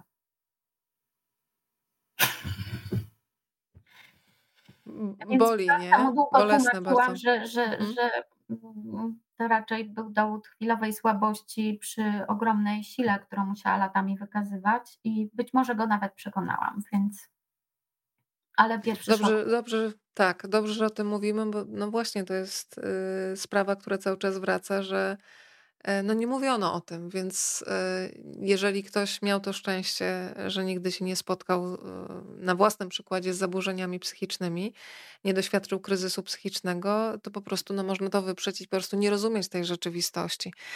Słuchaj, to pogadajmy jeszcze trochę o Zośce i o Szczepanie, tak żeby mhm. państwo, e, państwo wiedzieli, do czyjej chałupy będą zaglądać, kiedy otworzą sobie czas e, rumianku. Jezu, nie wiem od czego zacząć. Oni są... No, od, od, od rozmachu Zośki może, bo ja ją bardzo lubię, bo ona ma w sobie e, no czuję taką temperamentną kobietę, która wie czego chce, wie jak to osiągnąć i ma taką energię, którą potrafi zarażać. No. Tak, tak ją sobie wyobraziłam i tak ją pisałam i tak z tych rodzinnych opowieści o Szczepanie ta niewidzialna kobieta, która się za nim mm, przewijała, wydaje mi się, że taka właśnie mogła być i część tej opisanej przez mojego dziadka i tatę energii, którą obdarzyli Szczepana, mam wrażenie, że zawdzięczał swojej charyzmatycznej żonie. E, z przyjemnością mi się tworzyło jej postać, e, z Zawarłam tam dużo faktów, część z pamiętników, a część y, też y, z, z materiałów historycznych. His... Znaczy wszystko, co się wydarza tej parze, jeśli nie było opisane w pamiętnikach, czy jeśli nie było prawdziwe, to przynajmniej było prawdopodobne, więc e, jeśli Państwo będą to czytać, uznają, że coś może tam przesadziłam, czy coś. Nie, nie przesadziłam, to rzeczywistość przesadziła, ja to tylko opisałam. E, za dużo mi się ciśnie, jeśli chodzi o Zośkę i Szczepana. Nie wiem, co jeszcze mam powiedzieć. To słuchaj, to, to ja się jeszcze skupię na takiej bohaterce, którą bardzo lubię, która się pojawia w e, Sadze o ludziach e, ziemi, Malinicha. Mhm. E, bo ona jest dla mnie takim uosobieniem kobiecej siły i myślę, że będzie bardzo bliska wszystkim kobietom, które samodzielnie wychowują na przykład dzieci ale też taką kobietą, która widzi i czuje więcej. I to też bardzo lubię, że w tym świecie takim namacalnym, kiedy jesteśmy osadzeni e, w ziemi, jednocześnie pojawiają się duchy, pojawia się coś, czego nie sposób nazwać. E, powiedz, jak ona się urodziła w, w Twojej opowieści, bo powiedzenie o niej znachorka to, to jest coś, co nie oddaje jakby jej siły, jej energii, jej obecności w ogóle, więc szukam słów, e, żeby nie ograniczyć taką definicją jak znachorka, bo, bo ona tutaj jest nam potrzebna zdecydowanie po coś więcej niż tylko po to, żeby była taką osobą, do której się zwraca cała wieś, kiedy zaczyna chorować. I zwracają się do niej dopiero wtedy, bo tak na co dzień się jej troszeczkę boją, a troszeczkę jej nie ufają, bo jest inna i za bardzo niezależna, jak na kobietę zwłaszcza. E, ja tworzyłam z różnych przekazów, ale też zaczerpnęłam tutaj z, troszeczkę z opowieści o mojej ciotce Walerii. E, to już co prawda były lata 20 XX e, wieku, ale moja ciotka taka ciągle jeszcze była jedną nogą w tym katolicyzmie, a drugą nogą w tym całym pogaństwie i ona faktycznie widziała duchy, rozmawiała z duchami. Ona kazała dzieciakom zamykać okno, bo anioł wleci, a czasami bo wyleci, więc y, bardzo zależało. E, starała się nie przechodzić obok pewnego mostku, bo tam zawsze straszył y, wodnik, y, a w innym miejscu też się starała nie chodzić, bo dziadek jej powiedział, że tam się ktoś kiedyś utopił, się bała topielca. Więc dla niej ten świat był najeżony czymś takim, czego nikt inny nie widział i ona trochę tych opowieści, bardzo lubiła opowiadać te historie o duchach i straszyła dzieciaki. Mój ojciec, zwłaszcza moja ciotka, która ma też bogatą wyobraźnię, bardzo, bardzo się tych opowieści bali i ciocia, muszę powiedzieć, że do tej pory tak lekko drży, kiedy przytacza te opowieści ciotki Walerii, więc ta moja malinicha ma tę duchowość mojej ciotki Walerii i znajomość ziół, którą wykazywało wiele wiejskich kobiet w owym czasie. Ci chłopie nie mieli ani pieniędzy, ani okazji, żeby wezwać lekarza tak naprawdę. Oni musieli leczyć się sami. Y, te choroby też strasznie dziwnie nazywali i nie zawsze, znaczy nigdy we właściwy sposób. To była taka ich nomenklatura. E, ale też w każdej wsi czy w każdym majątku było kilka kobiet, które, tak, które troszkę się e, bardziej na tym leczeniu znały, lepiej lub gorzej, które się znały trochę na ziołach, które umiały odbierać porody, które umiały przeprowadzać zmarłych y, na tę drugą stronę, bo trzeba było zawsze uświadomić tej duszy, że już nie żyje i że ma opuścić to ciało i ma opuścić ten dom. Czasem się te dusze opierały. Więc te kobiety się właśnie takimi rzeczami zajmuje, ta, zajmowały. E, ta moja malinicha jeszcze czuje właśnie e, te zmiany.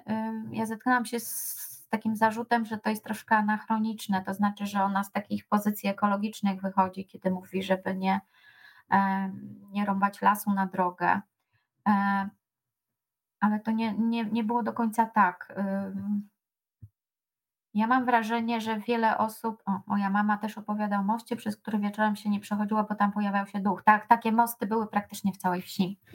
Więc te kobiety też może czuły bardziej przyrodę i ta nowoczesność, taka czasami brutalna nowoczesność, która przychodziła do tych wsi y, z, razem z pomysłami dziedzicy, jak budowa prostej drogi, osuszanie bagien, które tam były od wieków, czy wyrąbywanie lasów, żeby, żeby zrobić tam pola wydawały mi się bardzo bolesne, bo las akurat w, tych, w tej ludowej duchowości był bardzo magicznym miejscem, takim trochę swoim, trochę obcym.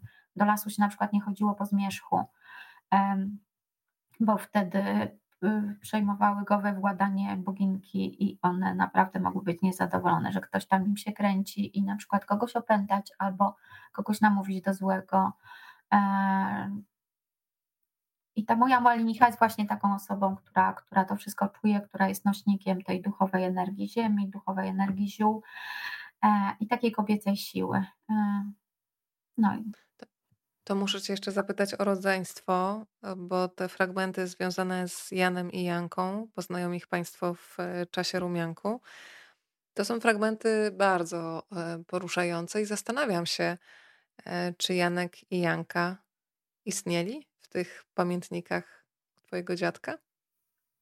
E, pojawili się bez imion. E, było to, dziadek dokładnie opisał, że po tej epidemii, która wyludniła całą wieś, we wsi zostało tylko dwoje dzieci. Przeżyło tylko dwoje dzieci. E, I to było tyle. A ja jakoś się strasznie uczepiłam tej dwójki dzieci i sobie pomyślałam, że ci osadnicy, o których, ci nowi osadnicy, których sprowadził dziedzic i o których mój dziadek pisał, jakoś się musieli do tych dzieci odnieść, jakoś się musieli z nimi odnaleźć i i to też była kolejna z zagadek, które chciałam rozwiązać w tej książce. Co się z tymi dziećmi stało, jak one po tej strasznej traumie, kiedy cała rodzina, cała wieś, wszyscy sąsiedzi zmarli, jak one się odnalazły w tej nowej rzeczywistości przy tych nowych ludziach. I e, znaczy strasznie polubiłam te postaci, które mi się u, udało w nich stworzyć. Oni też są takimi trochę łącznikami z, z tym światem duchów, z takiej też ktoś mi napisał w recenzji, że to jest element realizmu magicznego. Nie wiem. Ja mam wrażenie, że wiele tych wierzeń wiejskich wówczas były elementami, znaczy składały się z realizmu magicznego, więc tak, tak, są, są tego reprezentantami. Wspomniałaś o tym, że w pamiętniku u dziadka y, był ten zapisek o tym, że przeżyła dwójka dzieci bez imienia, ale też y, dzięki Twojej książce się dowiedziałam, że to wcale nie było oczywistością, żeby chłopi posiadali nazwisko. E, imiona tak, ale nie wszyscy. Akurat tutaj, tutaj mamy Józwiaków, y, no ale nie każdy miał nazwisko. Czyli to znowu pokazuje, jaką wagę przykładano do tego chłopskiego życia. To jest y, też legenda rodzinna, że właśnie kiedy ci nowi osadnicy się zjechali do tej opusto- mm, Boże, opróżnionej przez epidemię wsi, e, właśnie ci moi bezpośredni przodkowie przywieźli ze sobą nazwisko. E, nazwisko właściwie chłopom, jeśli nie mieli do czynienia z urzędami, a rzadko miewali, e, nie przydawało się na nic. Skoro całe życie praktycznie spędzali w jednej wsi, a w najlepszym razie w jednym, w jednym majątku składającym się z kilku wsi, po prostu każdy wiedział, z kim ma do czynienia, że to jest Józef, syn Wiktora, syn Jędracha, jest żonaty stoł, chroma na jedną nogę, jest rudy, ma piegi, a jak był, jak był mały, to budował szałasy na pastwisku i to wystarczyło. Naprawdę, więc nazwiska naprawdę nie były potrzebne. Oni wszyscy wiedzieli, z kim mają do czynienia, pewnie e, do trzech pokoleń wstecz. E, no ale tutaj Józwiakowie uważali, że do tej, do tej wsi, w której się osiedlili, przywieźli również ze sobą nazwisko. Jest też taki wątek bardzo mocny i trudny, czyli takiej, powiedziałabym, wręcz usankcjonowanej w rodzinie przemocy.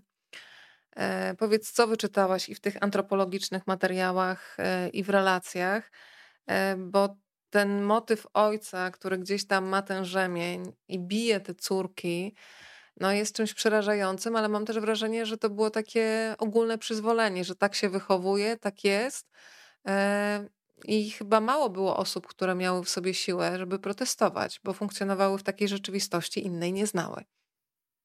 Znaczy u Kolberga jakby to nawet nie jest nazywane przemocą, to jest nazywane wychowaniem. Jak dziecko broiło, to się je karciło ręką ścierką albo też często rzemieniem. E, było to na porządku dziennym. Miałam wrażenie, że rodziny, które nie były dzieci, w które nie biły dzieci, to nawet nie wiem, czy takie istniały. Ksiądz mówił, że należy karcić dzieci i, i tradycja tak mówiła. E, ja tu stworzyłam taką postać troszeczkę, mm, troszeczkę bardziej tragiczną. Ten mój bohater nie tylko karci te swoje córki w sposób fizyczny, ale też e, stworzyłam mu dodatkową motywację poza tą tradycją tego dziwnego wychowania, a mianowicie rzecz się dzieje już po tym, jak przynajmniej w tej wsi pańszczyzna nie obowiązuje, ale ten mój bohater cały czas się boi, że ta pańszczyzna wróci i żeby jakby zahartować te swoje córki y, na wypadek, gdyby ta pańszczyzna wróciła, po prostu je co, co sobota chłoszcze, ponieważ sam pamięta, jak był y, kiedyś przez dziedzica chłostany za różne przewinienia, więc to jest takie troszeczkę memento, które wprowadza w życie tej rodziny. Też taki krąg przemocy, która jest przekazywana, rodzaj ja tak miałem, więc ty też tak będziesz y, miał i jakoś nie sposób się z tego wyrwać. Teraz sobie też pomyślałam, bo mówiłyśmy o tej powietrzu morowym e, i myślę, że też można dopiero zrozumieć tę modlitwę od powietrza, głodu, ognia i wojny zachowaj na spanie. E, tak. Teraz do mnie to chodziło o to morowe powietrze. Tlen, tlen, gdyby, gdyby nas chroniono od tlenu, to myślę, że już e, nikt, nikt by nie był w stanie wymówić tej modlitwy, ale faktycznie e, teraz dopiero rozumiem, o jakie powietrze, to morowe powietrze chodziło. A powiedz, e, pytanie do Państwa, gąsior. Też nigdy nie słyszałam hasła gąsior w takim, a nie innym kontekście. Ono się pojawia. Czym był gąsior? Co się za tym słowem kryło? Czekamy na Państwa, czy ja mam powiedzieć? Opowiadaj. Dobra.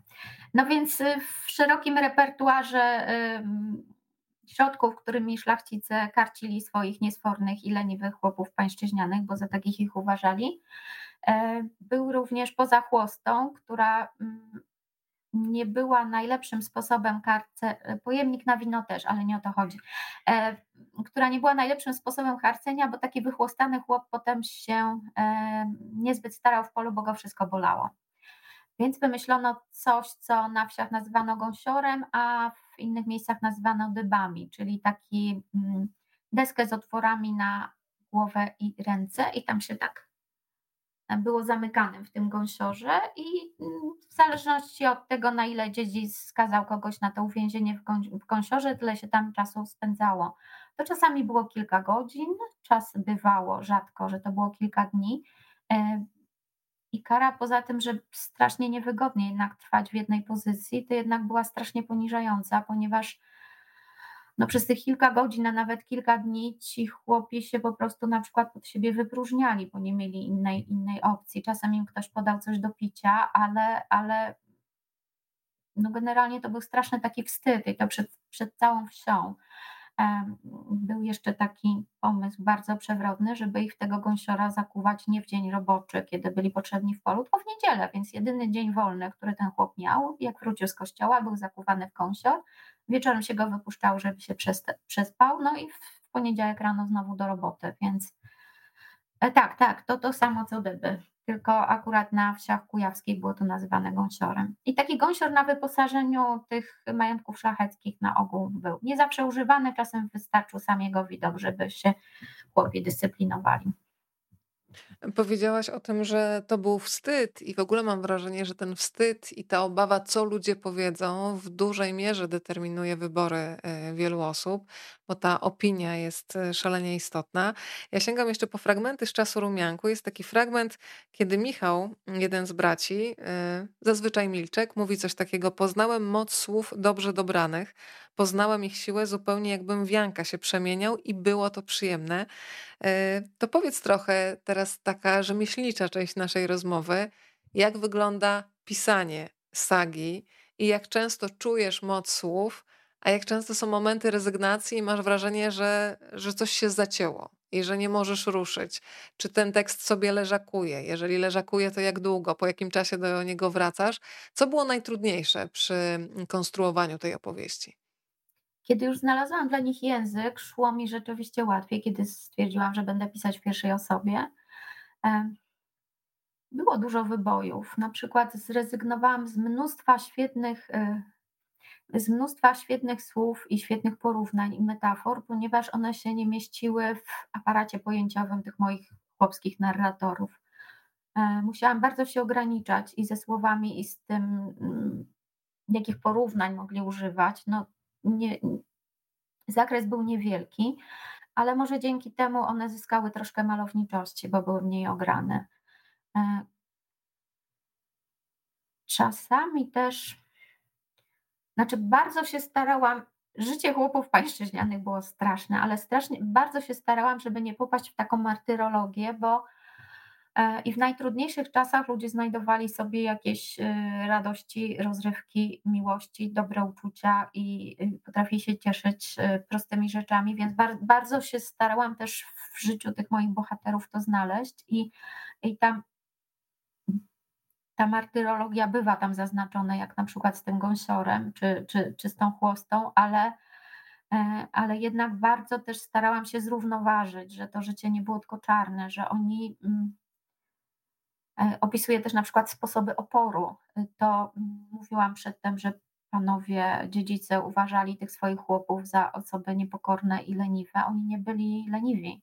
Oni po prostu oszczędzali siły, oni robili coś w rodzaju strajku włoskiego. Oni pracowali wolniej, żeby, żeby mieć więcej siły na uprawę swojego pola, co musieli zrobić po powrocie z pańskiego pola. Więc starałam się te, te, ich sposoby takie na życie pokazać. To, że się na przykład schodzili i wszyscy, nie wiem, jak się komuś popsuła motyka na pańskim polu, to zamiast ją reperować, to się wszyscy schodzili i radzili, jak ją, jak ją naprawiać, a karbowy się denerwował, że, że nic się nie dzieje. No, to były formy oporu, czasami całkiem dowcipne.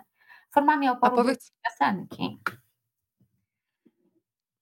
Co było jeszcze formą oporu? Piosenki. Piosenki. Piosenki. Ale tak. Powiedziałaś jeszcze o karbowym. Wyjaśnijmy, bo też e, dzięki temu, że bardzo starannie tłumaczysz słowa, bo e, często jest obecna w literaturze mm, no, mm, taka zasada, że używamy słów, bo niby wszyscy już znają, ale tak jak twoi bohaterowie, opisujesz je w taki sposób, który jest bardzo obrazowy, czyli w taki, w jaki mogliby tłumaczyć bohaterowie z kujawskiej wsi z XIX wieku.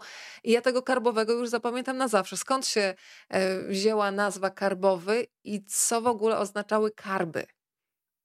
Więc Karbowy był takim bezpośrednim zwierzchnikiem tych pańszczyźnianych chłopów. chłopów. On pilnował, kto przyszedł do pracy, wyznaczał jakby odcinki do zrobienia i potem egzekwował wykonanie. E, nad nim był na ogół, to w zależności od majątku, bo to nie była jakaś hierarchia ustalona, na ogół nad, każdy karbo, karbowy miał jedną wieś pod opieką, nad tymi karbowymi był ekonom i dopiero ten ekonom rozmawiał z dziedzicem, więc się bardzo rzadko zdarzało, że dziedzic rozmawiał bezpośrednio z chłopami. I taki karbowy był w, w czasach pańszczyzny osobą dla całej wsi kluczową, ponieważ od jego dobrego humoru i tego, ile pracy ludziom wyznaczył, e, zależał byt wszystkich pracujących w polu.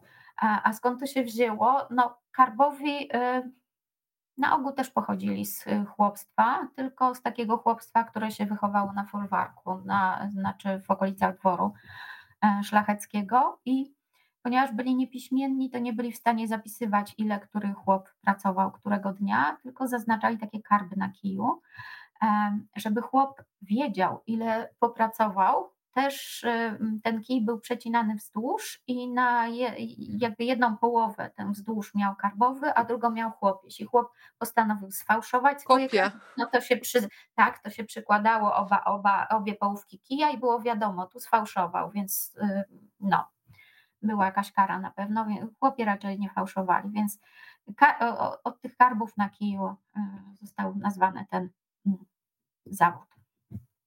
Czytając też sagę o ludziach Ziemi, pomyślałam sobie, że dobrze pomyśleć o tym, skąd czasami w nas jest, a myślę, że w wielu z nas, zarówno kobiet, jak i mężczyzn, jest takie przekonanie o tym, że życie i codzienność musi być cierpieniem. E, I że bardzo często zauważamy na przykład swoje ciało, kiedy boli, albo dopiero wtedy, kiedy boli, a tak trudno nam dać temu swojemu ciału chociażby przyjemność. I są takie fragmenty w czasie rumianku. Życie to charówka i cierpienie. A nasza bohaterka mówi: A ja lubiłam wyrywać skraweczki radości, cieszyć się byle czym. E, myślę, że tutaj mogłoby przybić też piątkę z Marianną Cyrkówną, prawda? Tak. E, ale jest też fragment, kiedy ojciec wprost mówił, e, nie lubił, kiedy za bardzo się cieszyłyśmy, mówi bohaterka, śmiejesz się jak głupia do sera. Czyli radość w ogóle no, była odbierana jako coś, co nie przystoi, że życie to jest ta charówka i nie ma co za wysoko wystawiać głowy y, i pokazuje, że to jest zakorzenione w nas przez pokolenia, więc może dlatego dzisiaj, jako współczesne kobiety, cały czas mamy problem z tym, żeby dać sobie przyjemność, żeby patrzeć na życie też jako radość, a nie tylko wieczne utrapienie. Tak, te, mam wrażenie, że tak. Ja czytałam ostatnio y, ten bestseller Chłopki, bardzo uważnie tak. czytałam i mam cały poznaczony karteczkami i tam faktycznie te kobiety, które miały strasznie trudne życie, to jest akurat o dwudziestoleciu międzywojennym głównie, szukały sobie tych skraweczków, że, że słońce świeci, że mm, dzieci się śmieją, że upiekła chleb i pięknie pachnie.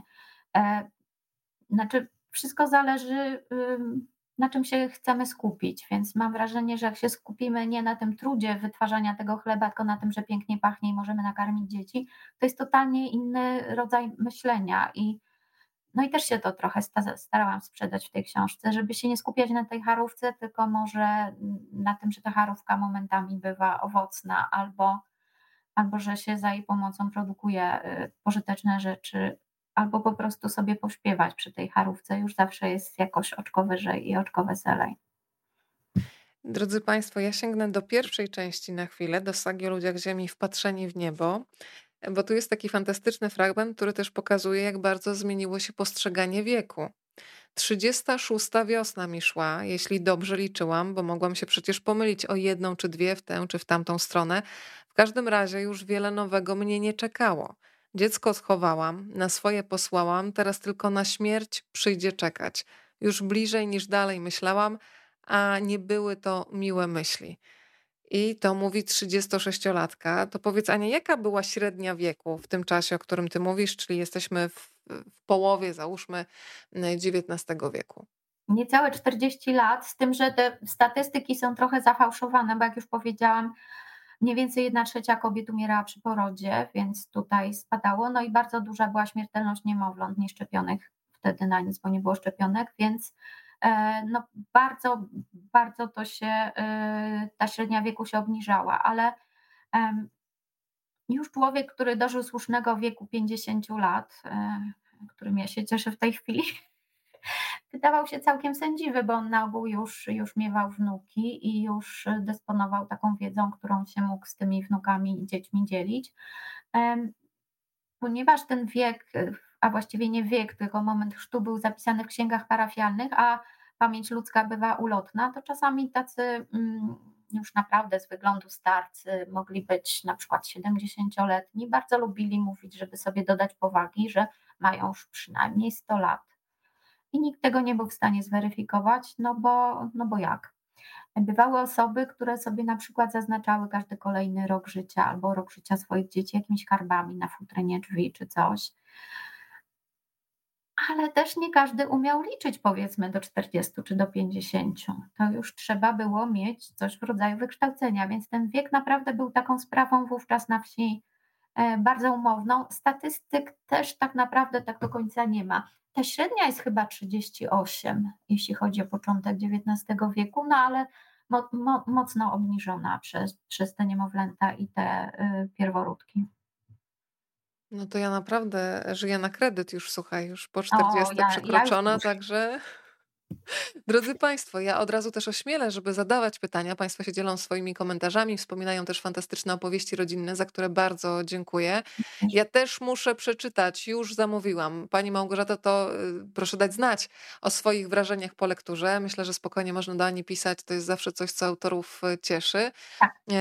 Też oczywiście kupię, mm, y, tym bardziej, że babcia męża pochodzi z Brześcia e, Kujawskiego. O, ja będę miała mm. spotkanie w Brześciu Kujawskim pod koniec przyszłego o. tygodnia w Wahadle. A znasz już datę?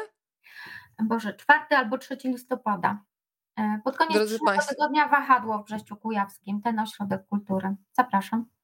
Pani Agnieszko, to może przy okazji się uda odwiedzić e, to miejsce i przy okazji spotkać z autorką. Jeżeli Państwo mają pytania, to jest idealny moment, żeby teraz z nimi wkroczyć.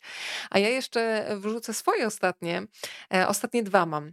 Pierwsze mm, pytanie dotyczy tego, czy dawałaś te fragmenty, które tworzyłaś na bieżąco do czytania tacie i jeżeli miał jakieś uwagi, to jakiego typu one były? Z wielką tremą dawałam mu wszystko. On przeczytał wszystko i na bieżąco mi komentował. I na początku to było. E, na początku mi się strasznie wtrącał, ale mu powiedziałam, tato, to jest integralne dzieło i to jest naprawdę moja książka. To już nie są twoje pamiętniki, nie są to pamiętniki dziadka, to jest moja książka, musisz to zaakceptować. Przeszedł ten próg. E, I potem mi dawał bardzo fajne uwagi. Po pierwsze, kontrolował cały ten stan upraw, który opisywałam, wszystkie te wykopki, żniwa, e, orki, sadzenie i sianie. On pochodzi ze wsi, e, wszystko wiedział co i kiedy, więc tutaj wszystko jest sprawdzone przez specjalistę. Kopcowanie ziemniaków też mi zatwierdził, więc tutaj jesteśmy kryci. Ale miał też bardzo innego rodzaju uwagi. Ja na przykład mojego taty nie znałam z tej strony, ponieważ jest on produktem swojego pokolenia, jest osobą małomówną, twardą, takim. No tak. Ale Znam to. Znam tak, małomównych ojców, kochających, tak, ale tak. Taki zasadniczy. A on mi pisał: Tutaj się naprawdę wzruszyłem. Tutaj się mocno hmm. zaśmiałem. Jakbyś ją widziała. No tak mi pisał mój tata. I te momenty, kiedy się wzruszył, są dla mnie jakoś do tej pory szczególnie cenne. Ja to mam w mailach i no jakoś pamiętam. No poznałam też mojego tatę z innej strony. Dzięki temu. Ale, ale słuchaj, właśnie to ja się teraz na tym fragmencie tylko muszę sprawdzić. Czy, e, tak, to było w czasie rumianku, to mm, podziękowanie. Napisałaś też, że dziękujesz mamie Marii Józwiak za wyznanie, w których momentach tej historii się wzruszyła. Możesz tu upublicznić, czy zostawiasz to dla siebie?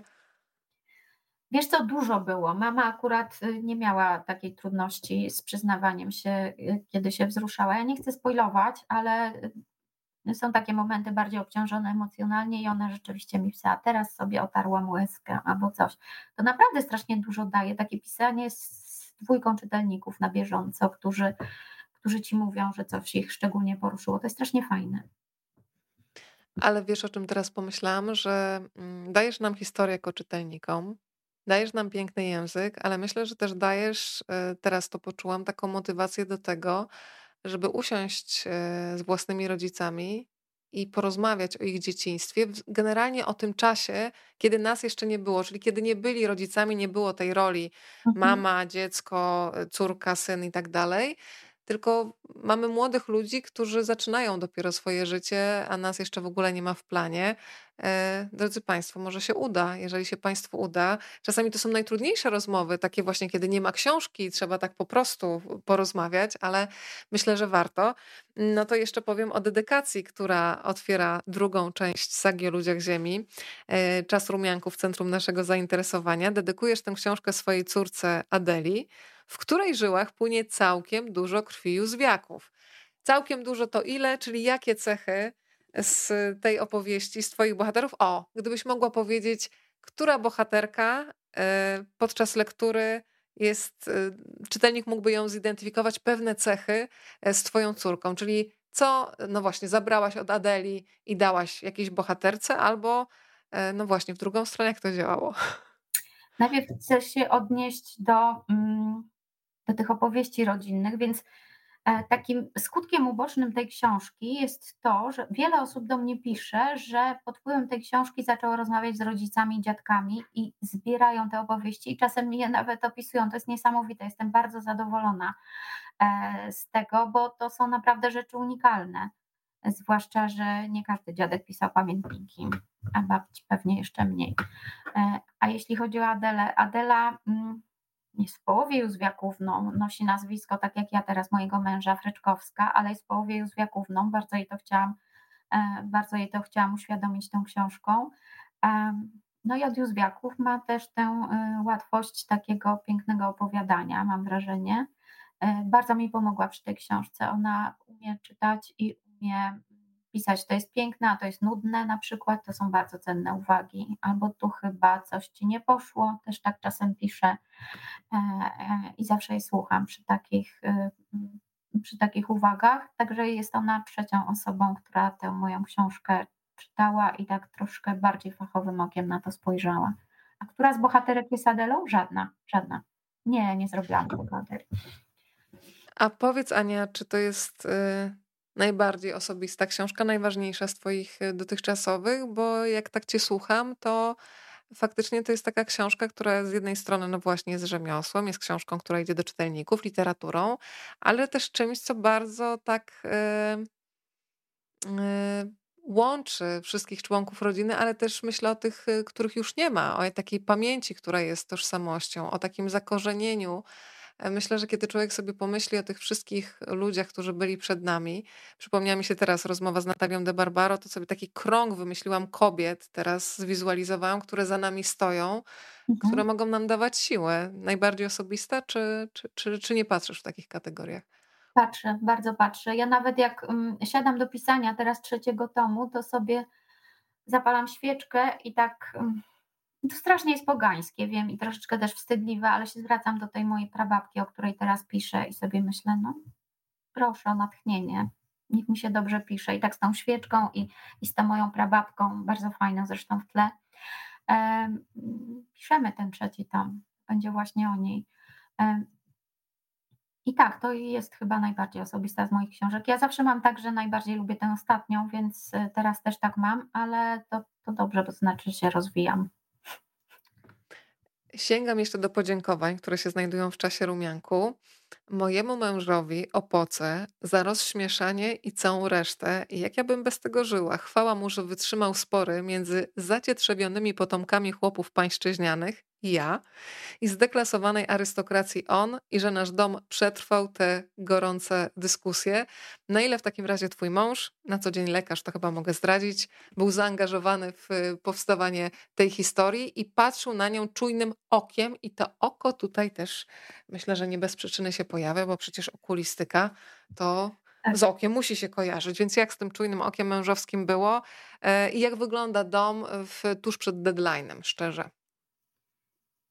E, on nie czytał tej książki w trakcie, kiedy powstawała, przeczytał ją dopiero po wydaniu, natomiast ja mu dużo opowiadałam, co, co jak pytał, co dzisiaj robiłaś, no to mu mówiłam o wsi pańszczyźnianej, co robiłam na wsi pańszczyźnianej, cały dzień tam siedziałam. No i on ma takie inne spojrzenie, bo on jest z takiej herbowej szlachty z obu stron i, i o ile dla mnie to po wojnie polskie to był awans społeczny mojej rodziny, no to dla nich to jednak była deklasacja i utrata majątku, więc tutaj już jest pierwsze pole do, do konfliktu i że mm, rodzina mojego męża właśnie mi tłumaczyła, że oni bardzo dobrze traktowali chłopów i że się nimi opiekowali i że jak ja mogę tak źle pisać o, o dziedzicach i tak dalej. Ja praktycznie w ogóle nie piszę o dziedzicach w tej książce, ale okej.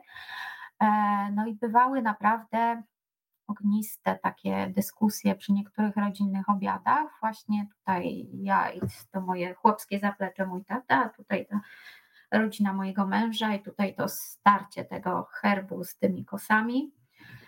Bywało gorąco. Mm. No ja na takie mm, argumenty, że nasza rodzina akurat się dobrze opiekowała swoimi chłopami, to lubię odpowiadać, że w sumie myślę, że idealna jest ta, taka sytuacja, kiedy, kiedy każdy ma tę możliwość, żeby się sam sobą opiekował, a nie czekał na, na łaskę tego, kto nad nim wyżej stoi. I no to był mój ulubiony argument. Y, teraz troszkę poprzekraczaliśmy swoje granice, jest łatwiej. On przeczytał książkę, ja się starałam zrozumieć ten szok, który oni przeżyli po II wojnie światowej. Był to szok, obiektywnie. Tu może stosunki liczbowe są ważne, ile osób na tym skorzystało, ile osób straciło, ale trudno też liczyć ludzki ból i, i, mm, i ludzkie problemy, więc nie chciałabym iść w tę stronę. No w, każdym razie i dzisiaj w XXI wieku bywają przy stole dyskusje między potomkami chłopów pańszczyźnianych a potomkami szlachty herbowej. To wysyłam Ci pytania od Państwa, jeszcze komentarze. Pani Agnieszka napisała, że jej tata dokonał ogromnej pracy tworząc drzewo genealogiczne rodziny, ale brakuje mi tam codziennych historii życia. Przeczytam książkę jako uzupełnienie. Niech te historie ożyją. Dziękuję. Ja naprawdę się, słuchajcie, wzruszam, szczególnie jak myślę o tym, Janku i Jance. Państwo będą wiedzieli o co chodzi, jak sobie poczytacie sagę o ludziach e, Ziemi. E, tutaj pani Agnieszka napisała, że dzięki e, Twoim opowieściom Aniu przypomnieli się jej dziadkowie i ich opowieści i tak, tak. podziękowania za to. Jest też pytanie o to, czy następne pokolenie, czyli mm, Twoja Adela, też się interesuje historiami rodzinnymi. No, u nas trudno się nie interesować, bo bo te opowieści rodzinne ciągle żyją. Tu i moja ciocia, i mój stryj, i mój tata to naprawdę lubią, lubią poruszać te tematy. My często spędzamy razem wakacje, czy jemy razem obiady, czy się odwiedzamy, więc to, to, to naprawdę jest. I Adela tego słucha i ona w tym rośnie, tak jak ja w tym rosłam. U, uważam, że to jest bardzo cenne. I jeszcze pani Justyna też pisze o wzruszeniu sztafetą pokoleń i tych zapiskach e, kilku generacji. Pani Agnieszka, o, słuchaj, popatrz, e, zbieram różne rodzinne historie i spisuję, jestem dumna z drzewa genealogicznego, które ostatnio ukończyłam i doszłam do 1775 roku. To jest naprawdę to jest kilkadziesiąt lat dłużej niż moja rodzina. Super, to jest osiągnięcie. Pani Wanda pyta, e, Aniu, ile ci zajęło pisanie pierwszej części i czy ta druga była trudniejsza? Do, do napisania już po... Bo szukałam języka i mm, trochę się bałam też tego tematu. Mm, zaczynając tę książkę naprawdę niewiele wiedziałam o tych o tej historii. Teraz już praktycznie jestem specjalistką, więc jest sporo łatwiej. Dwie pierwsze części pisałam przez ponad dwa lata. E, część historii z pierwszego tomu przeszła do drugiego i odwrotnie, więc to, to one powstawały niemal równocześnie. E, tak, troszkę ponad dwa lata. Teraz piszę trzeci tom, termin mam do końca kwietnia, ale już doskonale wiem, co chcę powiedzieć i już bardzo dobrze wiem, jakim językiem, także się teraz czuję jak Mozart w filmie Amadeusz, po prostu siedzę i spisuję, siedzę i spisuję to, co mi w głowie gra. Teraz już jest łatwo. A kto na przykład z drugiego tomu, z czasu rumianku, będzie obecny również w części trzeciej w taki mocny sposób? Możesz już zdradzić? Mm, wiem, kto będzie obecny z pierwszego tomu. Na pewno będzie Isia, już taka stara O, wspaniale. Tak. Mm. Czyli córka Malinichy. Córka Malinichy, tak. Malinicha już nie żyje, przykro mi. Przepraszam za ten spoiler. E... Życie. Tak. Skoro trzecia część, no i ta średnia wieku jeszcze, no nie mogłaś e... przedłużyć. Będzie kolejne pokolenie, w tym kilka osób, które się urodziły w drugim tomie, ale już kolejne, które się urodziły w trzecim i i w tym trzecim tomie pewnie już dojdę do XX wieku, a może nawet przekroczę magiczną granicę 1900. Zobaczymy, jak mnie ta historia poniesie, ale już mam całą historię w głowie. I to jest strasznie fajne mm, teraz pisanie, bo po raz pierwszy mam mm, zdjęcia moich bohaterów. Trzeci tom jest o prababce mojej i moim pradziadku, o przedziwnej historii ich związku, ich miłości i mam ich zdjęcia, byłam na ich grobie, bo grobów innych przodków nie ma już, nie ma już tamtego cmentarza w miejscowości zwanej pustynią, a, a, a tu są groby, tu są daty, tu są zdjęcia, tu są opowieści osób, które je znały, yy, czyli mojej rodziny. Pisze się to zupełnie inaczej, troszeczkę odpowiedzialność wzrasta, ale też jest yy, barwniej i ciekawiej. Także jak zapalam tę świeczkę dla mojej prababki przed pisaniem, to też patrzę na jej zdjęcie, y, jak była młodszą kobietą i jak już była staruszką i no i widzę te jej dobre oczy, tak się inaczej troszkę piszę w ten sposób. Wiesz, co mi teraz przypomniałeś? Ten fragment y, w książce, początek historii, kiedy nasi bohaterowie przyjeżdżają jako pierwsi osadnicy do nowej wsi i wchodzą tak naprawdę do domów, w których jeszcze tli się życie, czyli widać y, czyjś siennik, widać garnki, widać to wszystko, co ludzie po sobie zostawili, klepisko często. I tam nasz bohater mówi coś takiego i zobacz, my to wszystko zaraz zadepczemy, a ty robisz wszystko, żeby nie zadeptano pamięci, Ania, i za to ci chciałam z całego serca e, w imieniu tych przeszłych pokoleń e, podziękować. Nie byłabym sobą... Prawda, y, potrzeba nam wzruszeń, więc nie będę cię przepraszać, że cię wzruszam, ale nie byłabym sobą, gdybym jeszcze nie zapytała, słuchaj, o zwierzęta, bo to jest dla mnie też taki bardzo poruszający wątek. Z jednej strony śmierć i te zwierzęta, które były zjadane, ale podchodzono do nich, ten fragment, kiedy opisujesz bohaterki, które na przykład przed zabiciem kury czy kurczaka na rosół, który wyżywi rodzinę, pozwoli jej przetrwać, dziękują tej kurze za życie i dziękują za to, że dzięki niej oni mogą przeżyć. Powiedz y, trochę o tym, o tych relacjach z zwierzętami na wsi, bo z jednej strony myślę, że mogły być bardzo brutalne. Myślę na przykład, że dzisiaj byłoby nie do wyobrażenia traktowanie psów w taki sposób, jak, jak wyglądało ono na wsi, ale z drugiej strony ta relacja, szczególnie jednej z naszych bohaterek, taka bardzo czuła. Znaczy, wieś, do której teraz jeździmy na wakacje, to jest wieś mazowiecka pod Garwolinem. No to jest jej bolesna strona, że te zwierzęta są traktowane bardzo utylitarnie i zgodnie z tą teorią, że zwierzęta nie mają duszy i nie cierpią. Natomiast jeśli chodzi o tę tradycję z tej wsi kujawskiej, z tych wsi kujawskich, o których piszę, to i mój tata, i mój dziadek, i, i, i reszta mojej rodziny zgodnie twierdzi, że tam te zwierzęta się traktowały z, szacun traktowało z szacunkiem. E, I wiele ich opowieści dotyczy właśnie zwierząt. One będą w trzecim tomie. I ta opowieść, że trzeba uznać dar z życia tego kurczaka czy tej świni, która oddaje życie, żeby nas mogła wyżywić, to, je, to jest autentyczne. On, oni mm, oni tak robili, oni dziękowali i z szacunkiem podchodzili też do tego daru życia e, mm, poświęconego dla, dla ludzi i też z tego szacunku się starali wykorzystać każdy e, kawałek mięsa, czy każde piórko, czy każdy kawałek skóry, żeby, żeby nic nie szło na zmarnowanie. Jeśli nie oni zjedli, to zjadł pies, czy, czy świnie, czy coś no, był w tym szacunek i była taka powaga i też takie głębokie przekonanie, też byli wdzięczni jabłoni, że rodzi jabłka. To y, takie głębokie przekonanie, że jeśli tej wdzięczności i szacunku nie będzie, to, to się będzie gorzej działo w gospodarstwie. To jabłoń przestanie rodzić, to te świnie przestaną tyć, że mm, tak po prostu było trzeba. I to jest autentyczne, to jest z pamiętników. Pani Agnieszka napisała: Moja babcia płakała i nakrywała głowę poduszką, kiedy dziadek zabijał e, świnie przed e, świętami.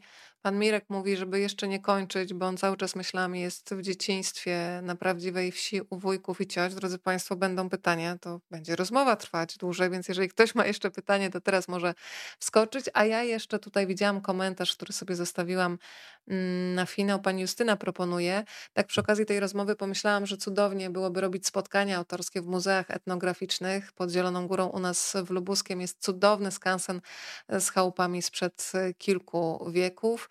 E, to powiedz, e, Aniu, na finał, gdzie będziecie można osobiście spotkać? Mm, jakie spotkania już wiesz, że są zaplanowane? Tak, jeżeli Teraz Państwo będą mieć jeszcze niedosyt, jasne, żeby wiedzieli, gdzie Cię szukać. Więc e, w najbliższych tygodniach mam dwa spotkania na Kujawach. Bardzo chciałam na te Kujawy jechać i się skonfrontować z bohaterami z tych okolic. E, I pierwsze spotkanie będę miała w Rześciu Kujawskim, w Domu Kultury Wahadło. Boże, Boże, gdzie ja to mam? Spokojnie sobie poszukaj. To będzie 4 listopada, Dom Kultury, y, Centrum Kultury Wahadło w Rześciu Kujawskim, a z kolei będę też we Włocławku 16 listopada e, w bibliotece na ulicy. To wyślę moją teściową, słuchaj. O, bardzo. Będzie reprezentantka mojej rodziny, na pewno weźmie koleżanki, więc przekazuję dzisiaj, że 16 listopada Włocławek będzie odwiedzony i będzie można porozmawiać e, o korzeniach, tak, drodzy Państwo. I też e, ta książka mi pokazała, jak strasznie ważne jest, żebyśmy się nawzajem zauważali na co dzień, bo takim bólem e, wspólnym chyba każdemu, niezależnym od czasów, jest to, kiedy czujemy się przeźroczyści i niewidzialni. I tak jak powiedziałam, Ania przywraca pamięć o tym, którym odbierano głos. Oni mówią swoim głosem w jej sadze o ludziach ziemi.